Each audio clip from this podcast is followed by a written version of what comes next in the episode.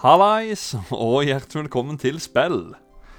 I denne episoden skal vi snakke om Final Fantasy 7 Remake. Dette vil altså da være en spoilercast, så har du ikke spilt Final Fantasy 7 Remake enda, gå og spill det, bli ferdig, så kom tilbake til denne episoden. Har du spilt igjennom, sett deg ned, enjoy.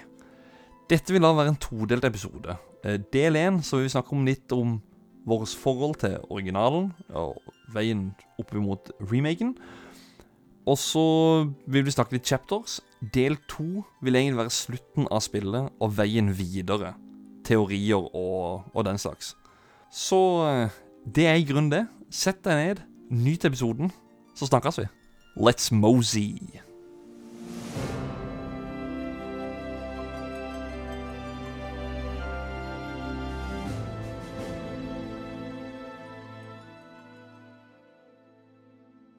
Hallais, og velkommen til spill. Mitt navn er Adrian Haugen og skal være programleder for denne episoden. I dag er det en såkalt spoilercast i regi av han Håkon Puntervold. Jeg bare introduserer med en gang. Ja vel. Hallais. Ja. Og så skal jeg introdusere han eh, Ralf fra sidelinja og med i spill i kulissene. Hei. Ja, og så skal vi ned til Oslo, og da skal jeg introdusere han eh, Philip, Maurizio, Teront, Encitio, Fløgstad, som er også kjent som den største Final Fantasy-fan her i Norge. Hei, hei, hei. God kveld til spill og alle deres lyttere. Det er veldig hyggelig å få være uh, invitert tilbake til en såpass koselig podkast, og ikke minst uh, et såpass koselig tema, og ikke minst et såpass koselig panel. Ja, og spørsmålet mitt er, sa navnet rett denne gangen? Glimrende, Adrian. Jeg er veldig imponert. Ja, ikke verst på andre forsøket mitt. Og så skal vi til en annen kar i Oslo, og holdt det på å si Stavanger. Han er kanskje kjent som den karen som har Guinness rekord for å ha vært mest på flest eh, Final Fantasy 7 remakes-episoder. Og det er han Christer Runde fra Nerdcast og eh, verdens beste podkast. Yes, hallo, hallo. Takk for at jeg fikk være med her òg. Også kjent fra alle første episodene. Ja, første episoden til eh, Eller pilotepisoder. Ja, alle pilotene. Alle pilotene til alle. Ja. Pilotmann. Eh, er sånn podkast-prostituert. Er litt rundt omkring på de fleste. Så, men det er hyggelig, det. Og eh, spesielt hyggelig er det jo nå. For eh, jeg har jo ikke fått blåst ut nok om eh, Final Fantasy 7-remaken ennå. Så da eh, blir det jo koselig. Hvor mange timer med opptak vil du si du har gjort så langt med Final Fantasy 7 remakes-episoder? Jeg tror vi er oppe i eh, Det er underkant av ti timer, altså, så det er ikke så mye ennå. Jeg har lagt mer tid ned i spillet enn i podkast. Men jeg syns du skal ha som mål å ha være med i flere podkaster. At du skal snakke mer om Final Fantasy 7 i podkasten enn du bruker på spillet. Ja, jeg, skal, jeg får holde på så lenge til, til klokka bare står eh, 9999 til dere som tok den joken. Ja, det, det. Oh my god. Ja, klart det en gang. Klart det en gang. Ja. Jeg tenkte vi bare skulle ta og starte litt, litt lett og høre med dere. Hvor lenge har dere venta på denne remaken? Eller kom den re remaken her som en surprise? Kan vi jo starte 2005. Var det ikke da Tech-demoen kom? Jo, stemmer. Det var da de begynte Det ble rundlurt i 2005. Ja, det var da de begynte å diktise oss. Da skulle de bare vise hva en PlayStation 3 var godt for, og så, eller hva han kunne yte. Og så viser de med introsekvensen. Altså, hallo! Mm. Det er jo skyters i trynet. Så det er jo, det er jo eh, gjerne eh, verdt å merke seg da at eh, da har de jo allerede på forhånd drevet med sånn eh, compilation-ting. Eh, som vi Mm. som da var Final Fantasy 7-fans eh, Det hadde gått litt rykter om i forkant av dette her greiene at kanskje de skulle avslutte hele compilation med en remake av Final Fantasy 7. Så da når da eh, denne her PS3 Tech-demoen traff, så var det liksom sånn Alle fans så var liksom Nå kommer det. Nå kommer remaken. Sant? Eh, men det viste seg jo ikke til å stemme. Vi måtte vente 15 år til. Ja, det, det er en stund, det. Det er ganske sykt, det. Men nå er han endelig her, da.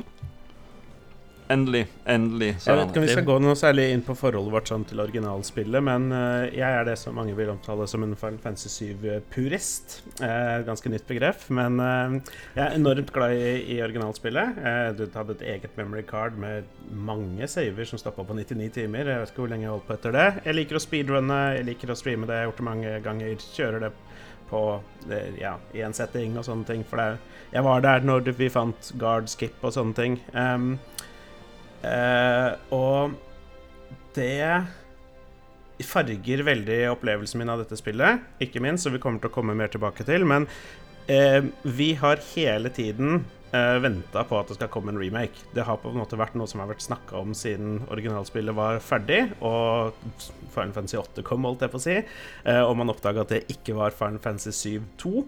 Um, og så kommer jo da denne, denne tech-demoen og sånne ting som dere har allerede gått igjennom. Eh, personlig så har det vært noe jeg aldri har ønsket at de skal gjøre.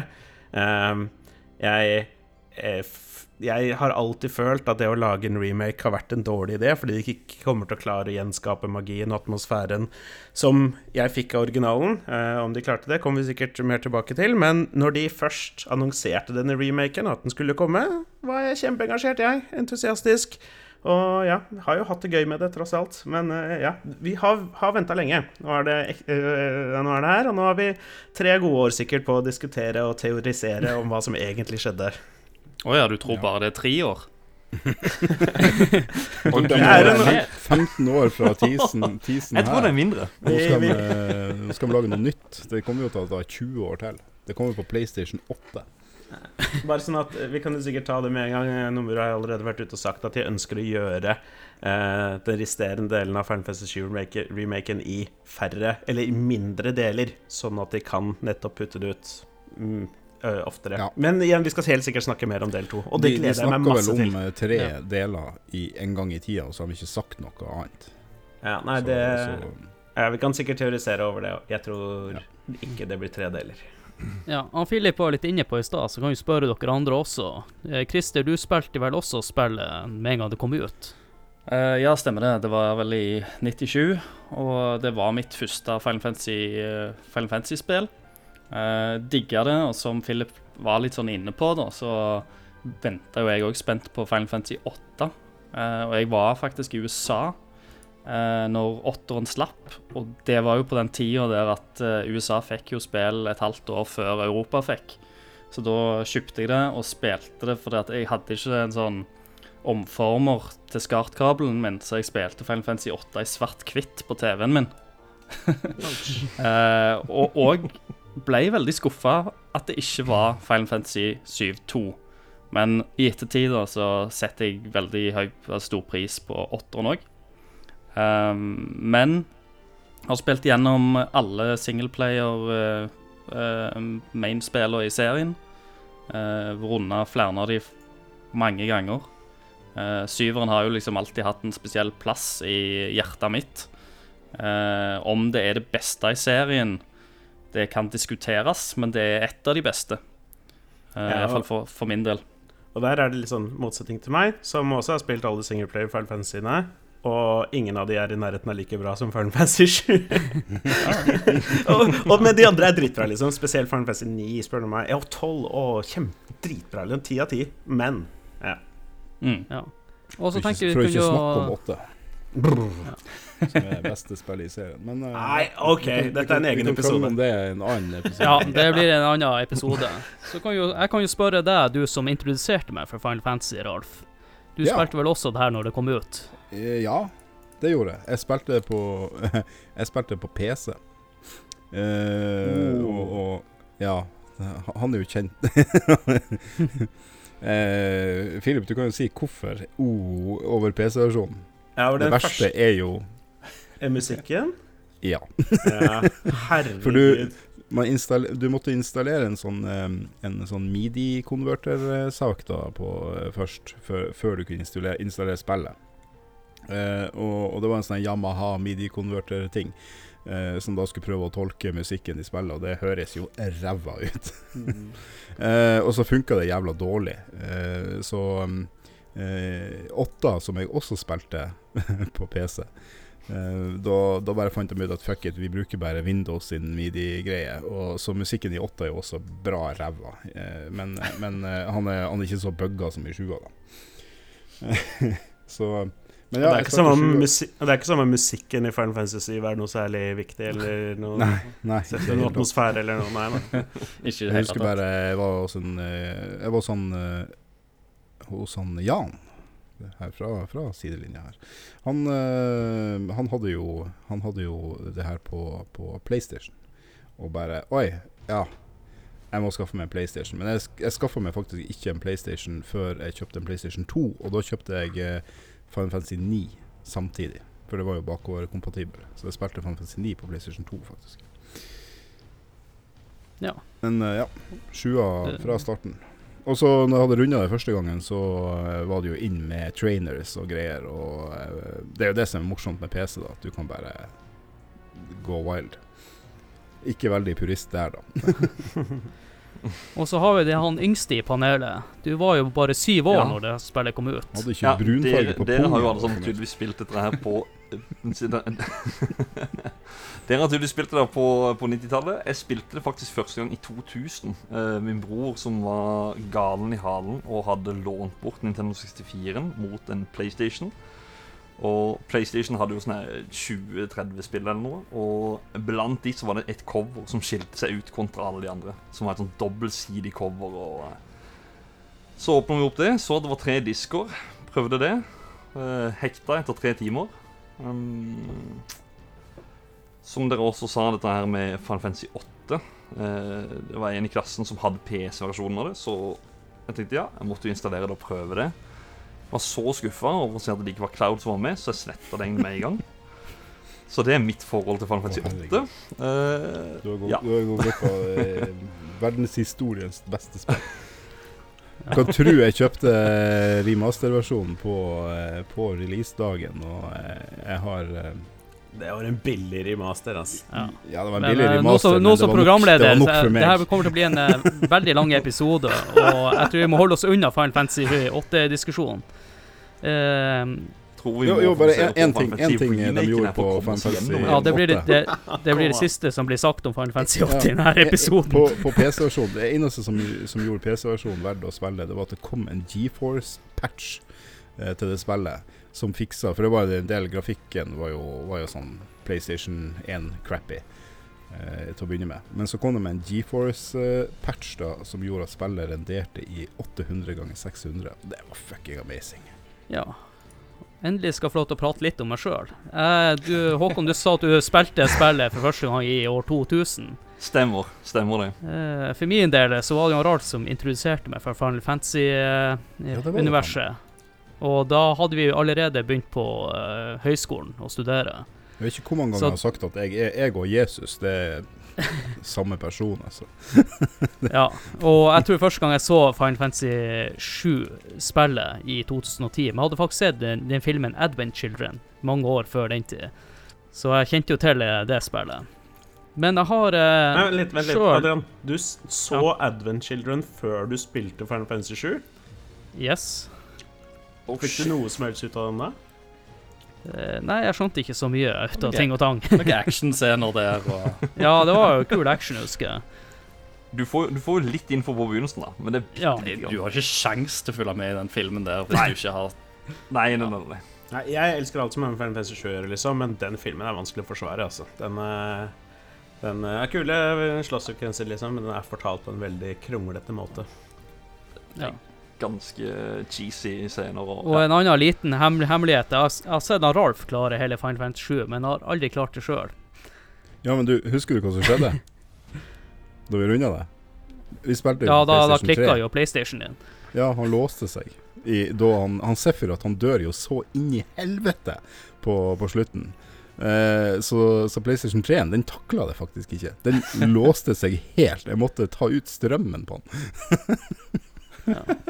Akkurat det er litt, litt artig at du nevner. em, sånn em, og jeg, som jeg burde nevnt i stad, når Final Fantasy 7-remaken kom ut, så em, via denne podkasten jeg er med, Lolbua, på streamen vår, så eh, hvorfor ikke, gjorde jeg en 24-timers stream av uh, Final Fantasy 7-remaken, liksom fra ja, ja, bla, bla, bla til bla, bla, bla.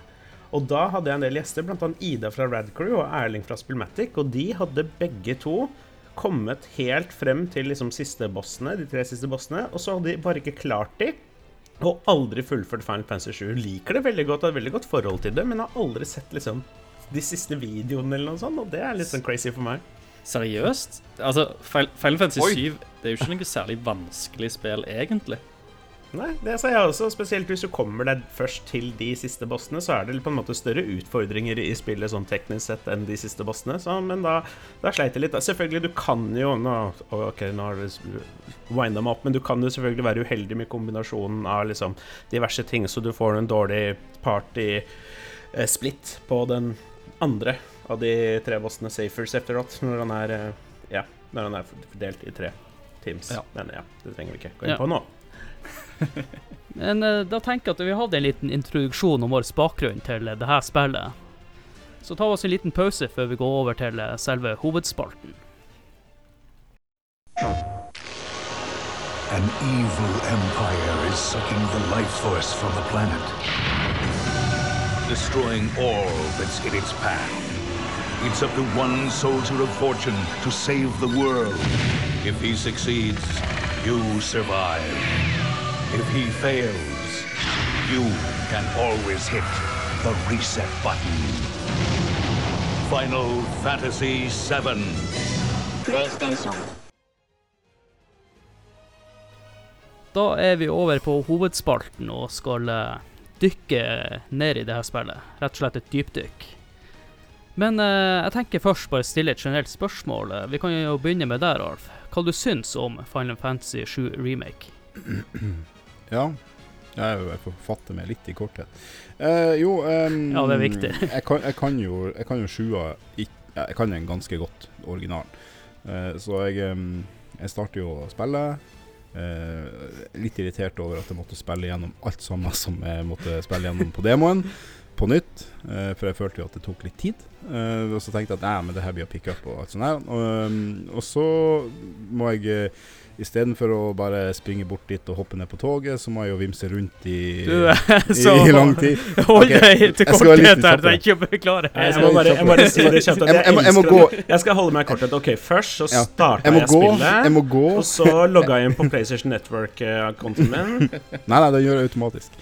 Ehm, Jeg kommer tilbake i morgen, altså, jeg, jeg går. jeg, Jeg, jeg, jeg, jeg, går. Jeg, jeg går, og så går jeg, og så går jeg mer, og så kommer jeg til en, eh, til en ting som jeg husker fra originalen. Og så må jeg eh, gjøre en bråte med Quest, og så, sånn der fortsetter det jo. sant? Eh, og helt til slutt i spillet så gjør de jo den der han, Jeg syns jo den første motorsykkelgreia er absurd lang. Og så kommer den siste, og de har jo bare, de bare ha, Hold my beer. Uh, og, um, uh, og så kommer det siste bossen og alt det der. han, Fine sekvenser og alt sånt. Og så eh, Ja. Satt det der litt og tenkte det, etterpå. det, var, ikke- Mm, det var ikke noe Final. Fantasy 8, Ralf. Nei, det var Det ikke, var ikke Final Final Fantasy 8. Det var det ikke. Så, så jeg måtte bare, jeg måtte bare skrive, da. Så skrev jeg på chatten til han Håkon at du Det der var 30 timer for langt. Men så, så starta jeg på hard mode. Og da bare blomstra det her spillet til. Og hvorfor er ikke hard mode der fra starten av? For at eh, spillet er en fryd på hard mode. Fordi altfor mange gamere hater å bli liksom stoppa og utfordra. De vil videre. For ellers så bare Ja. legger de det fra Jo, seg men og det er gir det opp. som det, Spillet på normal føles som en grindfest. Og med helt meningsløse eh, quester. Og så har du hard mode, hvor alt bare føles meningsfylt ut, og bare mm, Ja, Fantastisk. Jeg tenker vi kan jo diskutere det hardmoden litt senere. Som sagt, vi skulle prøve å holde oss i korthet. Ja. Vi hopper over til deg, Philip. Um, jeg um, var veldig entusiastisk. Eh, jeg så på trailerne. De viste at det åpenbart kommer til å skje forandringer. Det gjorde Så meg litt skeptisk. Det, det, Nei. det jeg, eh, så du alle trailerne? Å, så bra. Det er også Mm, ikke den siste. Nei, det- jeg bare Jeg starta den, og så skjønte jeg at den her kommer Den her bare viser for mye. Stoppa den etter fem-ti sekunder eller noe sånt. Og bare, ja. Men um, ja. Jeg hadde lagt forventningene mine relativt greit. Um, jeg gjorde den antageligvis feilen i forhold til min egen fornøyelse av spillet å spille det i 24 timer i strekk de første 24 timene mens mennesker så på på internett. Det gjorde at jeg blei ganske metta på det, og tok meg ganske god tid med å gjøre ferdig resten. Og så når jeg endelig ble ferdig, så har jeg egentlig mest tatt meg tid til å la det synke inn. Uh, teorisere over hva som kan skje uh, videre, og hva som egentlig alt betyr. Um, jeg syns spillet var veldig solid. Det er et veldig godt spill. Jeg personlig har ingen interesse av hard mode. Um, og jeg har mer lyst til å gå tilbake og spille Final Fantasy 7 originalen en gang til, før jeg spiller remaken en gang til. Eh, nå liker jeg å spille originalen en gang i måneden sånn uansett, men eh, det, det, det er et veldig solid spill. Men jeg tror det at jeg som litt for pure, litt for Final Fantasy 7 originalen-purist, eh, klarer ikke helt å sette pris på det så Fordi det er en liten del av meg som skulle ønske at liksom OK, det, jeg liker alt jeg har lagt til, og så er jeg litt mer skeptisk til alt jeg har forandra, og så er jeg sykt, sykt skeptisk, egentlig, til alt som skjer i kapittel 18 og utover. Altså, ja. Ja, men, men når du skal runde det på nytt, ta nå runde på hard. Yes. Det er ikke så vanskelig. Det, men det er bare mye bedre.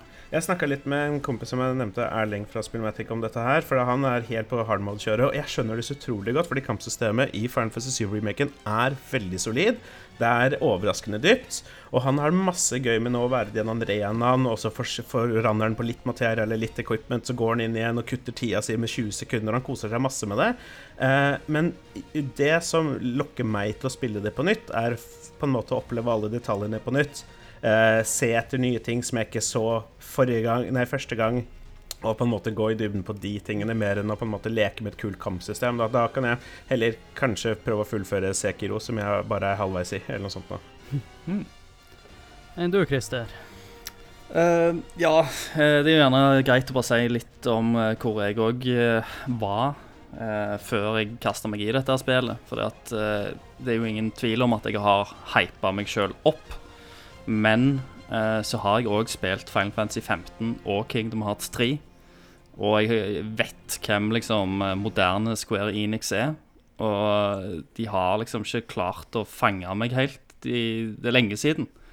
Uh, det er sikkert helt siden Final Fantasy 12, tror jeg.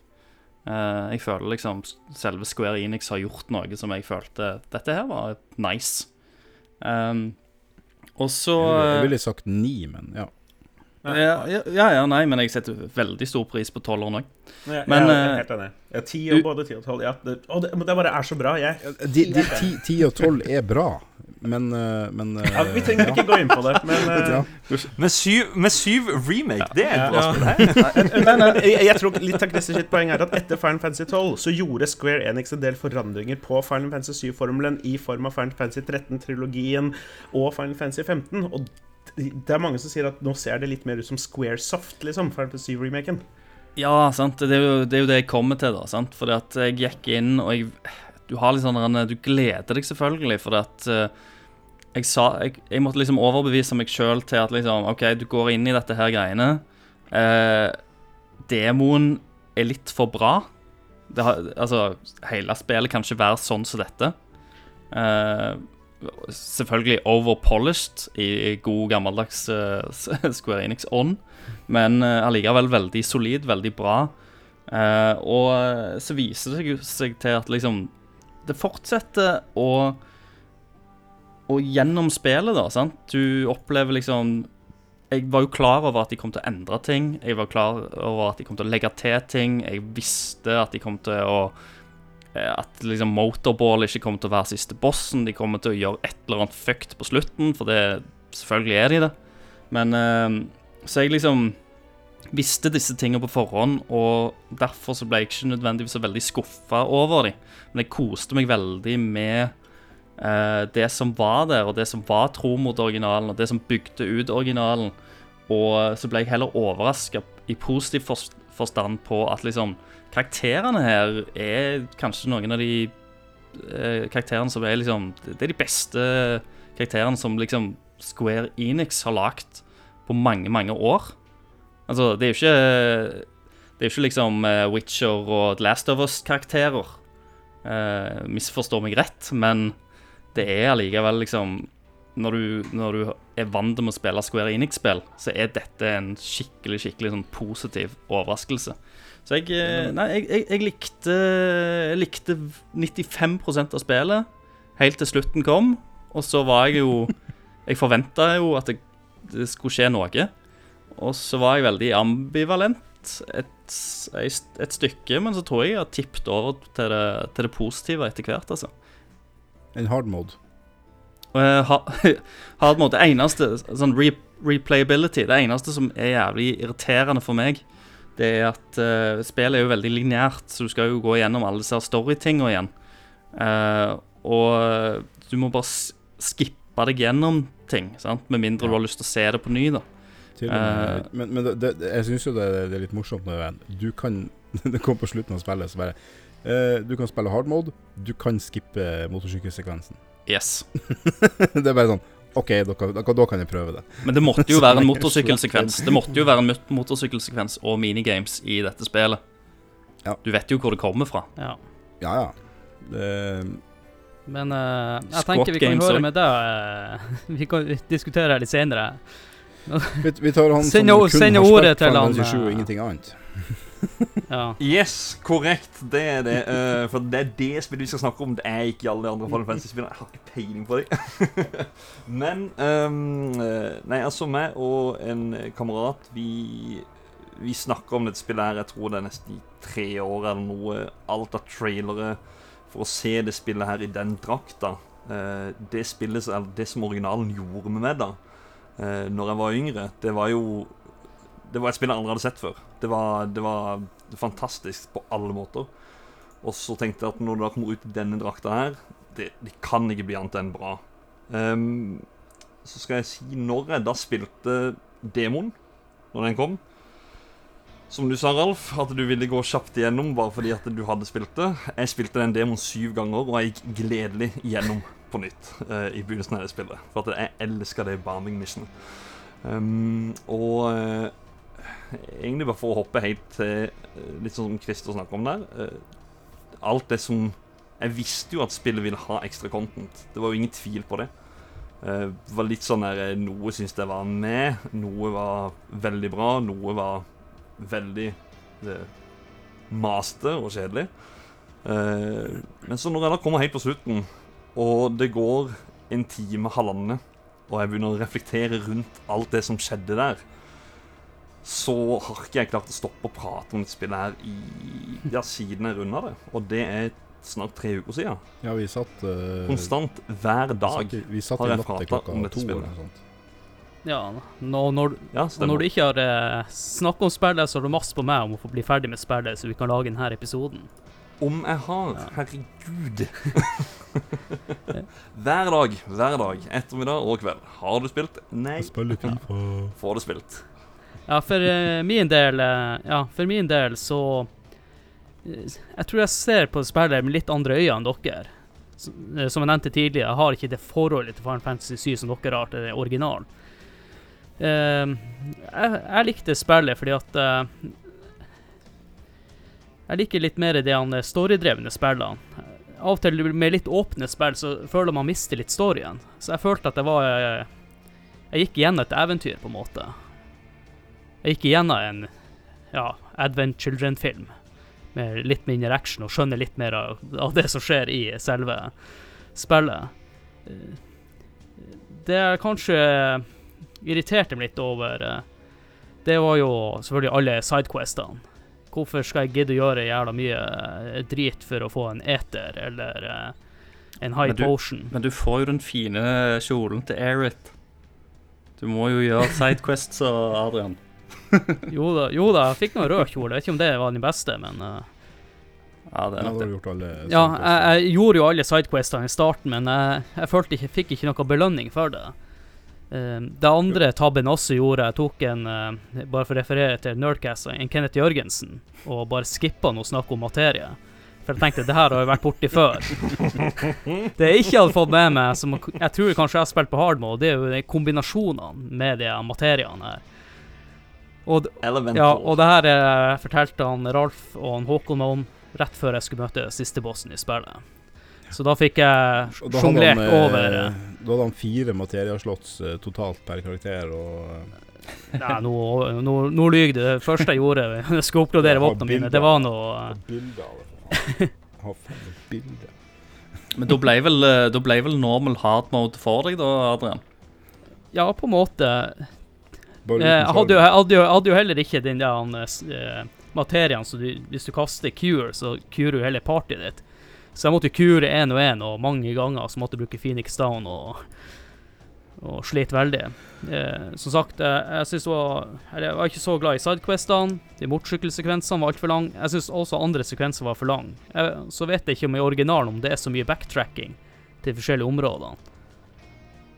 Og det likte jeg heller ikke. Jeg syns de brukte for mye av eh, Eh, de den, sa, sa, eh, samme tingene de spiller. den, Det var mye eh, gjenbruk. eh, altså, Midgard-delen i originalen er jo to Überlinær Mm. Ja. Det er ikke mye, bare- det det er ikke mye bare- det er jo bare- backtracking der, egentlig. ja. Det er tutorialen til spillet, liksom. Men jeg, så- jeg sitter igjen eh, Jeg sitter med Jeg brukte eh, 33 timer på spillet. Og jeg føler i ettertid at det var kanskje 13 timer for langt. Men jeg syns spillet tok seg opp på slutten, og starten likte jeg, men i- midtsekvensen syns jeg var seig å komme seg gjennom, for å være helt ærlig.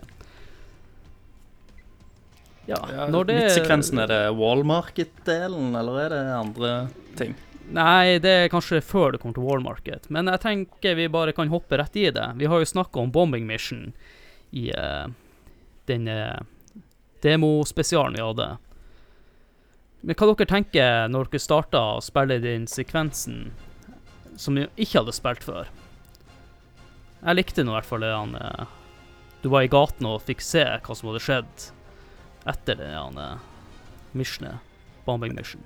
Jeg syns det skapte mye mer inntrykk Jeg vil, eh, jeg, jeg, jeg, eh, enn det det noen gang har gjort. jeg ville kanskje hoppa Som et lite hakk tilbake, og så kanskje ta den lille detaljen ifra, ifra, fra demoen, da.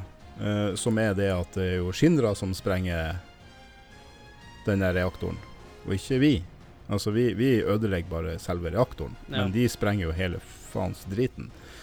Uh, så den skaden som blir gjort i originalen av deg, som gjør at du er liksom en Ja, uh, er du en helt, eller er du en terrorist? Det er liksom ikke noe tvil her. At uh, Shinra er Evil Company, og, og vi, er, vi er bare good guys. Når han viser det på den måten. Så det, det, det jeg er litt sånn tårn på akkurat den detaljen der. Ja, de, de tar vel og hinter litt til det i originalen òg, men det er veldig vagt, da. Uh, at uh, det er vel rett før den der eh, andre reaktor-bossfighten, når presidenten kom ut, så hinter han til at han har liksom visst om det. Jo, jo. Og Nå eh, husker jeg ikke akkurat liksom hva, hva som blir sagt, men, eh, men her får du i hvert fall det. se det veldig tydelig, da. Ja, her, her skjønner man jo tydelig Mm. hvorfor de gjør det. Eh, så ja. Ja, det er ja. I, I originalen så uh, kommer det ikke fram i det hele tatt at Shinra selv står bak bombinga av den første reaktoren. Um, Nei. I den andre reaktoren så veit de at de kommer, derfor så Mm. stopper de dem med å sende airbuster på dem. Mm. Um, eh, jeg li... Oh, ah, jeg liker det jeg, er, jeg, jeg, er så, jeg er så delt på dette, egentlig. Jeg liker egentlig at jeg har lagt til at jeg utbredte mer. Kanskje det egentlig alltid var sånn, og nå får vi på en måte det servert på en måte. Samtidig så gjør det på en måte Shinra kanskje litt mer comically bad, evil bad guys, enn det de kanskje trenger å være. I hvert fall var i originalen. Eh, Det kan det være en er, forandring de er ganske, Eh, de er ganske comically bad i, eh, med latteren og hijack og Mm. Scarlett Ja, han. Heidegger er jo, er jo skikkelig og dem, Han har dem jo rekreert eh, helt sånn som han var, føler jeg. Men, ja, men, altså, men, men altså, president, presidenten, da, som er bare Han er bare ondskap fra ende til annen. Eh, Bare veldig kjapt, både Heidegger og presidenten funka ikke for meg fordi de var ikke tjukke nok. I originalen Nei. så er de veldig runde. Stemmer det. Stemmer det. Han, eh, jeg bare skjønte ikke Dævelen, hvorfor er han Heidegger så jævla bøff? Mm. Ja, ja, men de, de ser veldig bra ut. da. er en tjukkas eh, som er bare full av vinkler og stjerner. Mm, det ser veldig bra ut, da. Men eh, ja, nei, det, det er en unektelig en forandring som de, som de gjorde, som gjør at ting er litt annerledes. Jeg em, tenkte aldri så mye over det i originalen at liksom Å, har jeg sørget for at vi har drept masse mennesker nå? Uh, I remaken så, så er jo det utrolig mye mer tydelig når du skal backtracke tilbake gjennom ruinene og sånne ting. At liksom Oi, alle står rundt og gråter over familiemedlemmer de har mistet og sånne ting. Så det er jo utrolig mye tydeligere. Jeg, jeg tenker at de kunne, de kunne droppa og vist det der, at Shindra sprenger det. De kunne jo godt ha hatt med i historien, sånn, sånn sett.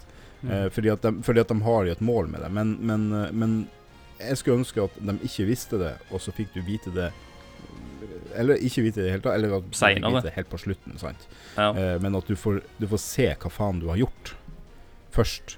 Og, og nye spillere tenker da bare Fuck, det er jo, det er jo Vi spiller jo bad guys, liksom.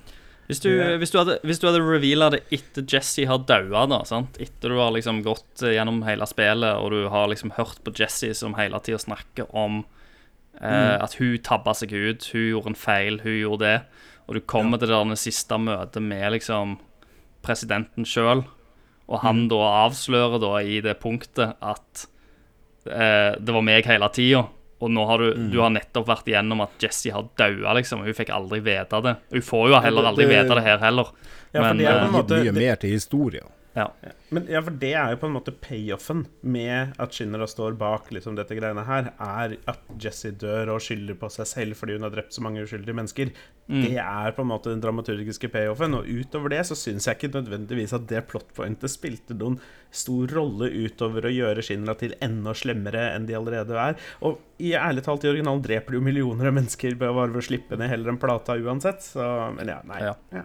Men samti samtidig så syns jeg de har òg gjort en, en god jobb til å Når du går rundt i Shinra-bygget og du snakker med de ansatte, og de, du, du får liksom litt mer nyansert eh, forhold til Shinra da. For fram til det punktet så har de alltid vært de, de store onde. sant? Da har de vært veldig tydelige bad guys. Men med en gang du kommer liksom inn der, og du får liksom høre alle NPC-ene drive og snakke, sånt, så er det sånn Faen, det, det jobber jævlig mye fine folk her òg.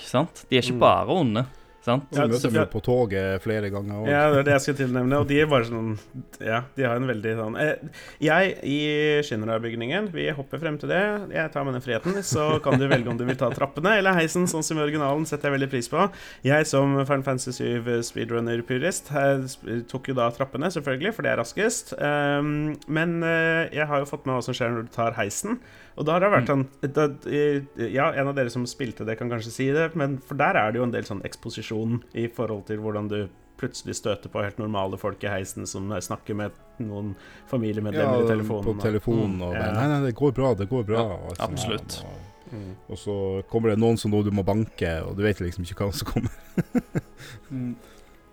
Og Tifa er jo alltid Hun er jo den karakteren i spillet som er litt sånn der tvilende. Sant? Hun er ikke helt solgt. Hun vet ikke helt hva som er rett eller galt ennå. Sant? Så hun er alltid den der eh, eh, karakteren som er, er dette, Så stiller de spørsmåla. Er det vi gjør noe rett? Vil jeg være med på dette? Sant? Mens Barrett er bare 100 eh, med. Ja. Sant? Han bare Faen ta Shinra. Selvfølgelig skal de dø. Og hun, hun er jo med å spille opp den der dynamikken. Så det syns jeg jo er veldig fint, for det, de fører jo til en del sånn fine, små sånn character moments. Men ja. Skulle vi gå litt kapittel kapittel? ja. Altså, Ja, jeg skulle egentlig også bare spørre litt om i, For i dette kapittel to Så går du jo langs gatene Og så plutselig så møter du ei som står i en kjole Og vifter litt rundt med armene Og rundt med en kurv Men, men, men, men før det, Håkon, Så er det Plot Ghost. Ja, så skjer, kan så skjer det òg noe jævlig viktig. Her, ja Vi møter eh, Eller kan du egentlig bare ta den eh, videre du? Og så bare kaster jeg den over til deg etterpå. Ja, Ja. ja OK, greit. Eh, etter bombing missionet, da, sant, så får du gå rundt i byen. Det er jo Du får jo høre på NPC-er som liksom snakker om eh, den der bombinga og alt i sammen. Du får et inntrykk av byen som du ikke fikk i originalen. Eh, men så plutselig så begynner jo eh, Cloud å få vondt i hodet igjen, og det detter ned ei bro, og det er noe ild i et eller annet bygg. Og så ser han plutselig Sephiroth, som er helt nytt. Det er annerledes. Det har aldri skjedd før. Eh, det skjedde ikke i originalen. Han har jo egentlig aldri vært i denne Nei. delen heller. Eh, og jeg visste jo at ja, Altså, de har jo hatt han i key-arten, så jeg visste jo at de kom til å implementere Sephiroth mye mer i, i Midgard-delen. Jeg visste jo ikke hvor mye, så jeg fikk jo sånn sjokk at OK, vi, vi ser han allerede nå. Som da ender opp med at du da eh, får egentlig et flashback av Nibelheim. Fordi at deler av Midgard begynner å ligne på Nibelheim, og du følger etter Sephiroth eh, inn i en sånn alleyway der du har en eh, dialog med han. Og så ender det opp med at han siterer Zack sine siste ord til Cloud. Før da eh, Cloud blir forbanna og prøver å kutte Sephiroth ned, og så forsvinner Sephiroth, og så Ja, det var i hodet til Cloud, da, tydeligvis. Det var et eller annet uh, syn han hadde. Uh, men uh, Mm. iallfall første gang jeg te spilte der, så var det sånn OK, kule Sephiroth-scene. Nice, det. Uh, og så fortsetter jo spillet sin gang, og så kommer vi da videre til, til det du, du snakket om, Håkon. Ja, der. Fordi det var faktisk det punktet der når um, Det husker jeg fra streamen din også, Philip. At eh, du ble litt sånn uh, Det hørtes ut som klump i halsen i det øyeblikket. Når den musikken begynner, og du får det valget om å, uh, om å få den blomsten. Det var Det skapte så inntrykk, det øyeblikket der. Um, jeg satt og så og bare hørte musikken. To-tre minutter. Og jeg felte faktisk en tåre. For det der, der det var sånn her Wow. Eh, nå er vi her, faktisk. Nå er det Nå, nå, nå er vi kommet til remake. Når den endelig kommer, da. Jeg, Eh, jeg takka nei til blomsten, jeg, så. Men nå trykker han jo på deg uansett faen. Ja. Det rekker jeg. ja. Men det, det som er viktig å få frem her, det er jo egentlig det neste som skjer, da. Det har jo mye å si for hele spillet, og det vi skal snakke om på slutten av episoden, teoriene våre. Fordi at hun begynner plutselig å vifte rundt seg, og så tar hun tak i armen din.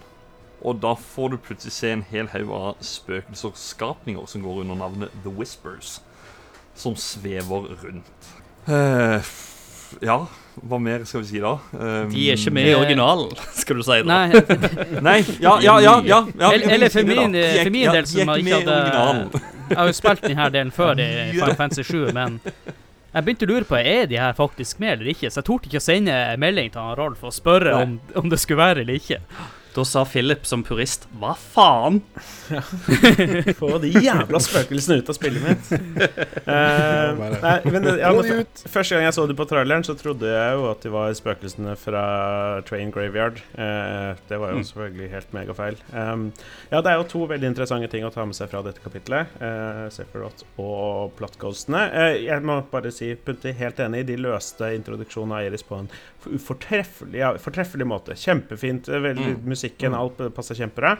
Um, I originalen så møter du egentlig ikke Sephiroth før langt, langt, langt langt, langt ute i spillet. Du på en måte, Og det, det er også noe som semi-irriterer meg litt. Fordi at her er det sånn så fort du kommer ut av demodelen, så bare 'Her er Sephiroth! Sånn ser han ut! Nå snakker han til deg, du interagerer med han.' Og så kan du terrorisere sjel inn i hodet hans og så lignende. Men i originalen så så du liksom bare eh, resultatene av Sephiroth sine, sine gjerninger, på en måte, mens du fulgte etter hans sverd i ryggen på skinner av presidenten, og når denne slangen var stacka opp før Mitral Mines etter Chocobo-farmen og sånne ting. Og det er sånn Han var mye mer mystisk, da. Her så blir det på en måte bare servert han med en gang. Men så kan vi jo komme inn på hvem Sephiroth dette er, og litt sånn sånne ting.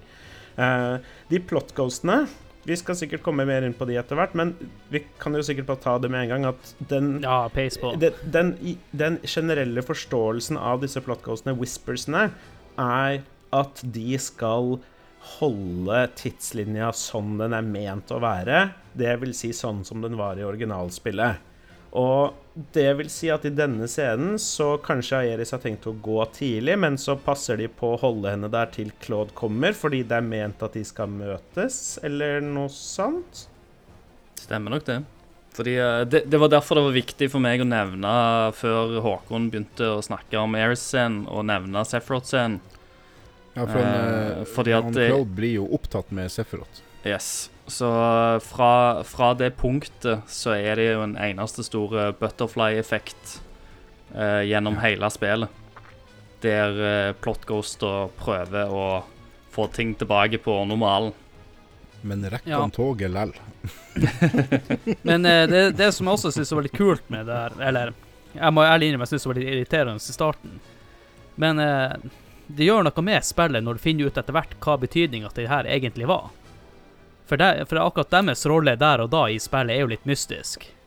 Du skjønner jo ikke på det tidspunktet at de, Mm. hold, de holder deg igjen, av en grunn. Nei, nei, nei, jeg, jeg likte jo ikke designet på det, jeg likte ikke hva, hva de var, jeg likte ikke at de sto og hindra meg, de var bare jævlig irriterende, men Jeg skjønner- liksom, eh, jeg- jeg skjønner jo at det er veldig- ja, de, de, de har eh, de, de har gjort det for en grunn, da. Ja. Eh, ja, ja, vi skal helt sikkert snakke mer om det. Men det er litt artig nå som vi liksom tar det videre. Ja. eh, at uh, i, vil, i, hvilken, I hvor stor grad Aeris er innforstått med hva som skjer, og hvem disse whisperne er, og sånne ting, er noe vi kan diskutere. For det hintes jo Mm. åpenbart til at hun vet mer enn de andre, Mm. i hvert fall. Men det ser jo ut som de er veldig antagonistiske mot hverandre, holdt jeg på å si. De ser ikke ut som å være gode venner. Det ser jo ut til å plage Aeris til Aklod kommer, I guess. Ja, jeg tror, jeg tror ikke Eris på dette tidspunktet heller vet helt hvem de er. At uh, det er mulig at dette òg er gjerne hennes første møte med, med dette her greiene. Mm. Iallfall på, det, på det- dette punktet i spillet. Jeg må bare skyte inn. Ja. Jeg liker at du sier eh, det navnet hun egentlig har. Jeg skjønner ikke hvorfor han bytta Aeris til Aeris. Det, Det er ikke en diskusjon jeg, jeg, det er ikke en diskusjon jeg gidder å ha engang. Jeg vet det er Nei, feil. jeg sier og jeg, Aeris. ja, jeg, ja, jeg, vet det, jeg vet det er feil, og jeg kommer til å kalle den det til den dagen jeg dør. Nei, men det er ikke feil. Hun heter Aeris. I, i, mitt, hjer- I mitt hjerte også. Jeg har alltid hatt det blanda der. Jeg har aldri eh, Jeg vet ikke om det har noe med PC og, og, og PlayStation-versjonen å gjøre. Om det var noe forskjell Nei, region- og oversettelsesgreier. Ja, ok. Ja. Og en lyd som ikke finnes skriftlig på japansk, bla, bla, bla. Jeg var jo en sånn fyr, og det er gjerne en sånn eh, brannfakkel inn i denne gjengen her, men jeg var jo en fyr som renama karakterene. For spillet gir jo i, i Det originale gir deg jo muligheten til å gi navn til karakterene som, eh, som du ville. Så da mm. heta jo selvfølgelig Cloud Christer. Eh, og, eh, og Og eh, Tifa hun eh, kalte jeg navnet til, til den jenta i klassen som jeg var forelska i. Uh, på, det, på det tidspunktet, selvfølgelig. største puppen. Ja, Det hjalp nok ikke noe Ja, særlig ja. på den forelskelsen, tenker jeg. Nei, nei, nei. Nei, det gikk til hundene, begge deler.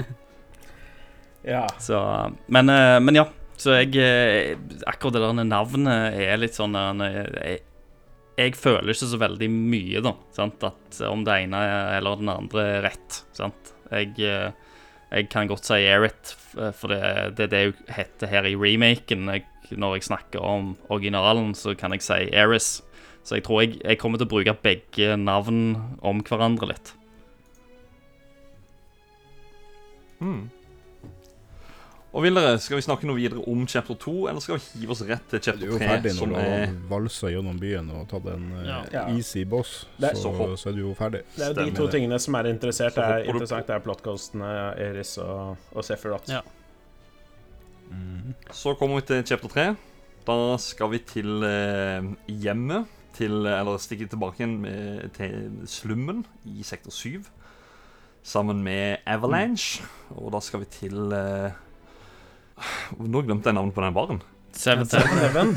Seventh Heaven, som TV-serien. Stemmer. Riktig. riktig. Og dette er jo den beste, det beste kapittelet i spillet, fordi det er nok det, spill, den, det kapittelet som har høyest prosentandel Tifa. Jeg skulle akkurat spørre hvorfor. Ok, Så Tifa, det er, det er grunnen, ja.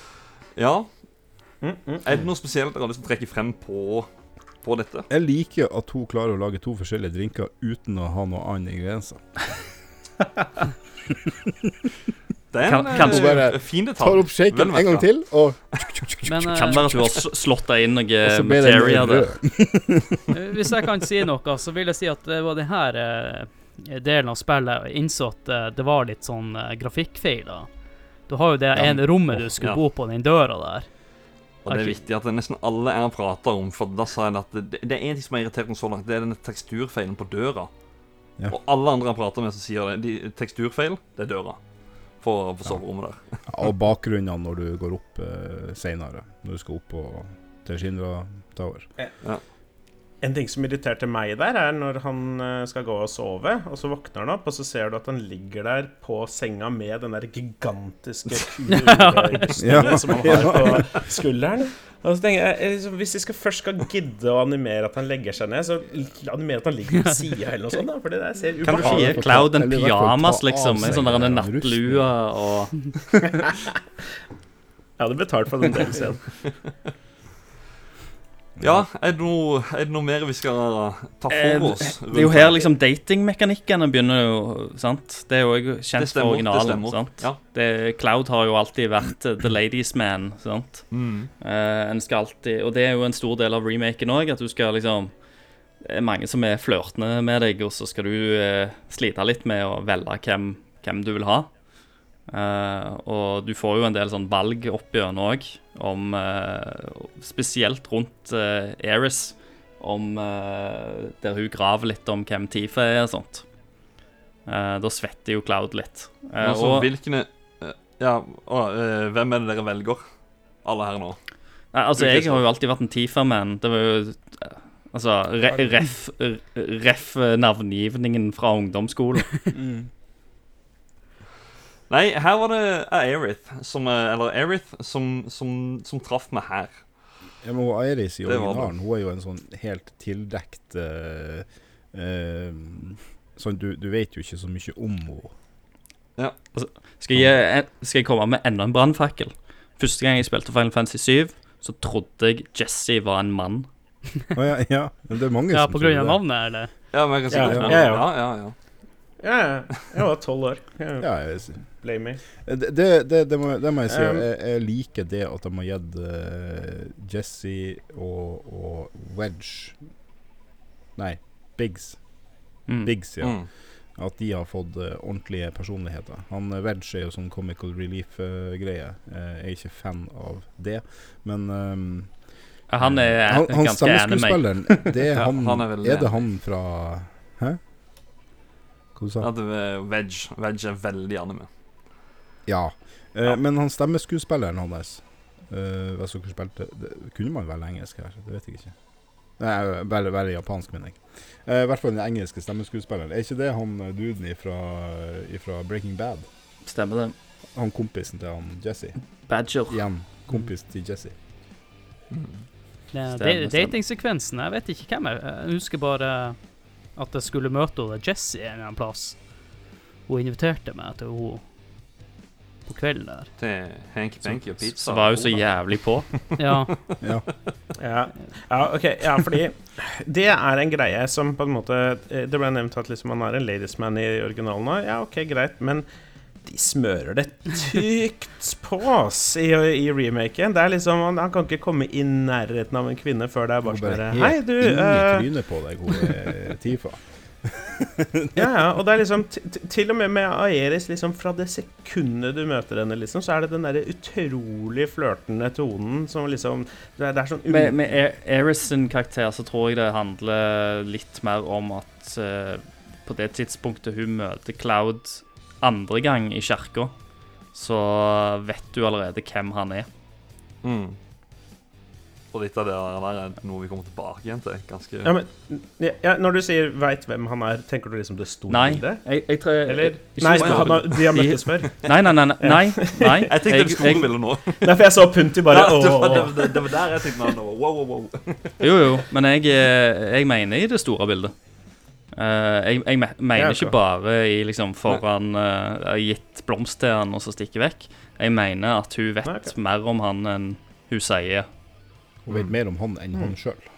Så på det punktet så har hun på en måte lært enda mer om hva som kommer til å skje, eh, enn det hun visste når, hun, når Cloud møter henne første gang i spillet.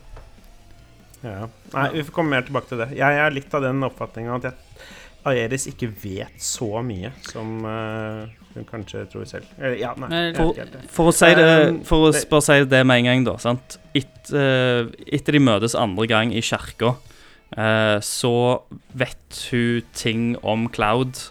Eh, hun vet at Det er sterkt hinta til at hun vet at hun skal eh, henge en date foran han. Eh, at han er en mercenary eh, og, og sånne ting. Uh, Cloud spør, spør jo til og med Erit om uh, Han sier seinere òg 'ikke lat som du kjenner meg', fordi at hun repeterer ting.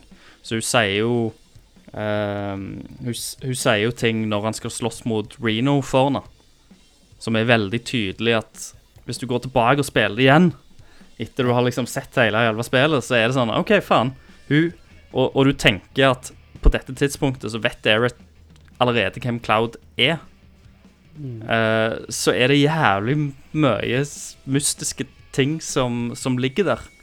Og uh, som, som da Altså, for meg jeg, jeg er solgt på den ideen om at Erit vet allerede hvem Cloud er når han detter ned gjennom kjerketaket der. Så hun har hatt en eller annen type revelation siden hun møtte Ja. han Men hvordan Hun har Hun har, kom, hun har kommunisert Jeg jeg, jeg med med den- Jeg tror hun har hatt den hele veien, fordi at den måten Riktig. hun snakker til deg første gangen du ser henne Eh, Ja, ja jeg syns det er en sånn merkelig mellomting, for da er det masse eksposisjon som på en måte de bare har lagt være å vise. Eh, og de er jo veldig på med å vise alt, egentlig, på en Ja. måte. Liksom, at det er noe mer. Også, de, ja, de har jo en merke, litt sånn semi-merkelig interaksjon første gang de møtes også. Eh, for så vidt. Eh, nå har vi ikke kommet til den delen med kirken ennå, kapittel- så vi- Eh, enda ikke kapittel. Så for å dra det tilbake til det kapitlet Jeg syns det faktisk er litt merkelig hvordan etter, rett etter terroristangrep så går det liksom en to og en halv meter høy fyr med en svær eh, maskingevær på armen og en fyr med tre meter lang seg. De bare går gjennom gata, og ingen liksom tenker noe mer over det. Og alle andre ser helt normale ut, bortsett fra liksom våre folk som bare er sånn helt overdimensjonerte. Og det er litt av problemet med NPC-ene da i dette spillet. Fordi at eh, de Det er veldig veldig mange av NPC-ene som er nesten litt sånn ah, OK, copy-paste. Du kunne ha brukt mange, mange av de i andre spill eh, som ikke hadde vært Final Fantasy 7, og du hadde godtatt det som bare sånn Ja, sånn random folk. Så de er, de, de er liksom ikke steampunky nok. Altså selvfølgelig, du har noen som, som er det, mens som oftest så er det liksom i main, uh, maincastet. sant? De har jo disse her De er veldig godt designa, og de passer veldig godt inn i denne verden. Men veldig mange av NPC-ene gjør ikke det. Ja, jeg er enig med deg der, fordi at eh, du ser jo, som du nevnte, at karakt- hovedkarakterene i spillet er jo veldig, ser nydelige ut. Men så har du Mm. NPC-ene der som uh, detter noen hakk i uh, utseendet. Skulle kanskje brukt mindre NPC-er i de brettene, osv. For, for meg så er det ikke det at de ser så mye dårligere ut, det er mer det at liksom de er en helt annen grafisk stil. Mm. Det er liksom hele Midgard med hele den introen hvor du får se de barna sykle rundt i gata og sånne ting. Det er liksom sånn alle i Midgard er, og den kjøper jeg. Men så kommer liksom vårt persongalleri og er på en måte totalt anime-figurer. på en måte helt, Og det bryter litt med liksom, ut- kanskje innlevelsesfaktorene, eller et eller annet sånt. noe. Kanskje det bare er meg som Jo, jo, blir men- men er- saks De er jo Våre er karakterer er jo eh, mer karikerte. Historiefortelling. Du skal lett se hvem som er karakterer du skal bry deg om, og hvem du ikke skal bry deg om. Eh, Når du ser på eh, antagonistene òg, så er jo de helt klart en helt annen stil enn alt annet. Så um, ja. Jeg, jeg, jeg tror det bare er sånn det er blitt. Og sånn var det jo egentlig i originalen òg.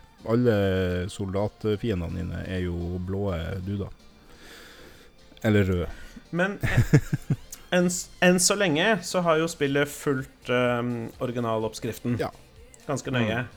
Men så kommer vi til kapittel fire, og der er det plutselig masse nye greier. Blant annet alles favoritt, skjønner jeg. Eh, Motorsykkelsekvensen. Ja, igjen. der er jo faktisk det som vi snakker om dette med spillet, at det var noe som var veldig dølt, kjedelig. Det var er, Den personen du møter her Ok, det er jo Du skal av gårde til Er det Shinra Warehouse? Du skal til, ja. Og da kjører du motorsykkel. Og så er det da en motorsykkel-minigame hvor det da kommer fiender, og du skal slå de og diverse. Så kommer det en annen karakter.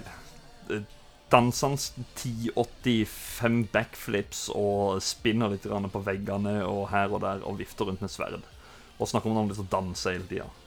Da, da, da det her skjedde da det her skjedde, du, så, så måtte jeg Det var nesten så jeg måtte stoppe Sette spillet på pause, gå ut i PlayStation-menyen og sjekke Er det Fan Fancy-spillet, eller er det Metal Gear Solid 4. Uh, for eh, jeg begynte å bli i tvil.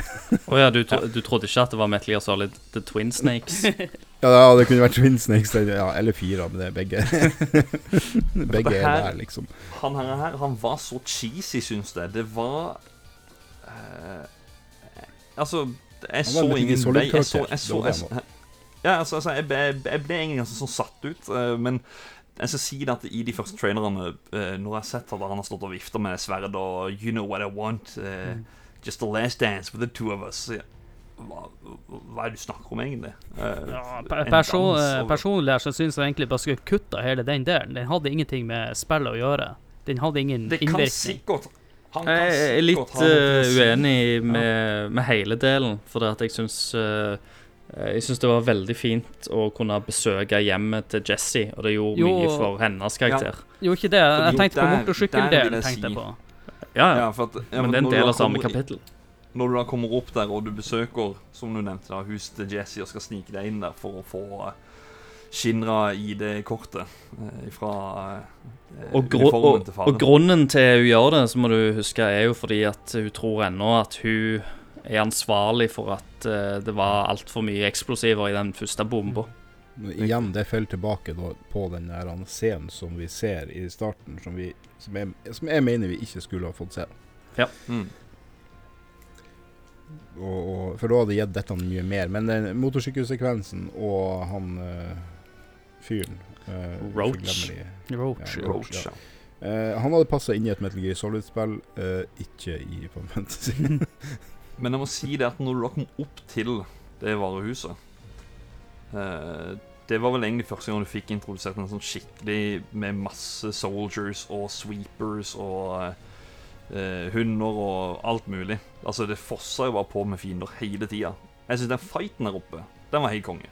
Den likte jeg. Ja, vi kan jo Men, også eh, snakke om kampsystemet generelt, når først er inne på Ja. fighting i Ja, spillet. for- Ja, Ja, jeg, jeg vil bare si at jeg digger han, eh, han Biggs. Charlie Sheen. ja Charlie Sheen. Ja, Charlie Sheen, ja. ja. ja, men han er han er, de er, han, han, er, han er akkurat sånn badass som jeg Mm. mener å huske at eh, han hinta til å være, men du fikk jo ikke se så mye av verken han eller Veg eller Jesse. Så jeg Ja. liker jo at de eh, faktisk fresha ut de karakterene der, og Biggs eh, Helt enig. Jeg er på team Biggs, jeg. Eh, mine, mine iskalde takes kjapt på akkurat den sekvensen vi var på. Jeg er en av de få som ikke syns motorsykkelsekvensen var for lang. Syns det var helt OK. Uh, og jeg vet virkelig ikke hva i all verden de holder på med Roach. Jeg er ikke det at jeg er så sjukt negativ til figuren i seg selv, så lenge de skal på en måte bruke han til noe. Uh, her ble han på en måte eksponert og vist fram og brukt til én bossfight etter én motorsykkeljakt, og så ble han bare Mm, borte. Han bare dukka ikke opp mer. Jeg hadde da forventa at de i hvert fall skulle slåss mot han et par-tre ganger. Så ble han sterkere hver gang. Gi han noe motivasjon. Hvis han klarer å stoppe deg, ranker han opp i Soldier eller et eller annet sånt noe. Som liksom, og så, da kan han kanskje til og med fortsette gjennom alle spillene og dukke opp igjen. Kanskje han blir en sånn ordentlig rival til Claude etter hvert. Bla, bla, bla. Ja, jeg vet ikke. Men nå var det vel liksom bare sånn Hei, ingen her er han, er crazy. Og så Når vi bare Når vi, når vi først er inne på Roach, da, sant? Og, han, eh, og vi kommer jo til å glemme han etter dette kapittelet, eh, så kan vi jo snakke bitte litt om han. Fordi at han, eh, i motsetning til dere, så føl, føler jeg at han er en veldig Final Fantasy-karakter. Kanskje ikke så mye Final Fantasy 7. Eh, han er veldig mye. Eh, og han føles som eh, Philip, eh, du er litt inne på, at det, dette er en fyr som du kommer til å liksom, møte flere ganger i, gjennom liksom, spillets gang. Han forsvinner jo i remaken, og jeg, ikke, jeg er ikke særlig glad i sånne karakterer som han, og han overspiller jo, og han er mye. Eh, men jeg tror liksom rollen, og så finnes det noen teorier selvfølgelig om hva som går framover eh, med han er, da. For jeg tror ikke det er siste gang vi ser han i seriens gang. Det tror jeg ikke. Uh, jeg trodde òg vi kom selvfølgelig til å se han igjen i remaken, men det, det gjorde vi ikke. Kanskje en DLC, vi får se. Uh, men uh, han er der for å demonstrere egentlig hvor galne folk blir av å injisere Genova Cells og være en, en del av Soldier, som, eh, som de egentlig dreiv og researcha litt i Crisis Core. Eh, men ikke så mye i Final Fantasy 7-originalen. Så dette er litt mer sånn comp compilation-ting som kommer inn via han.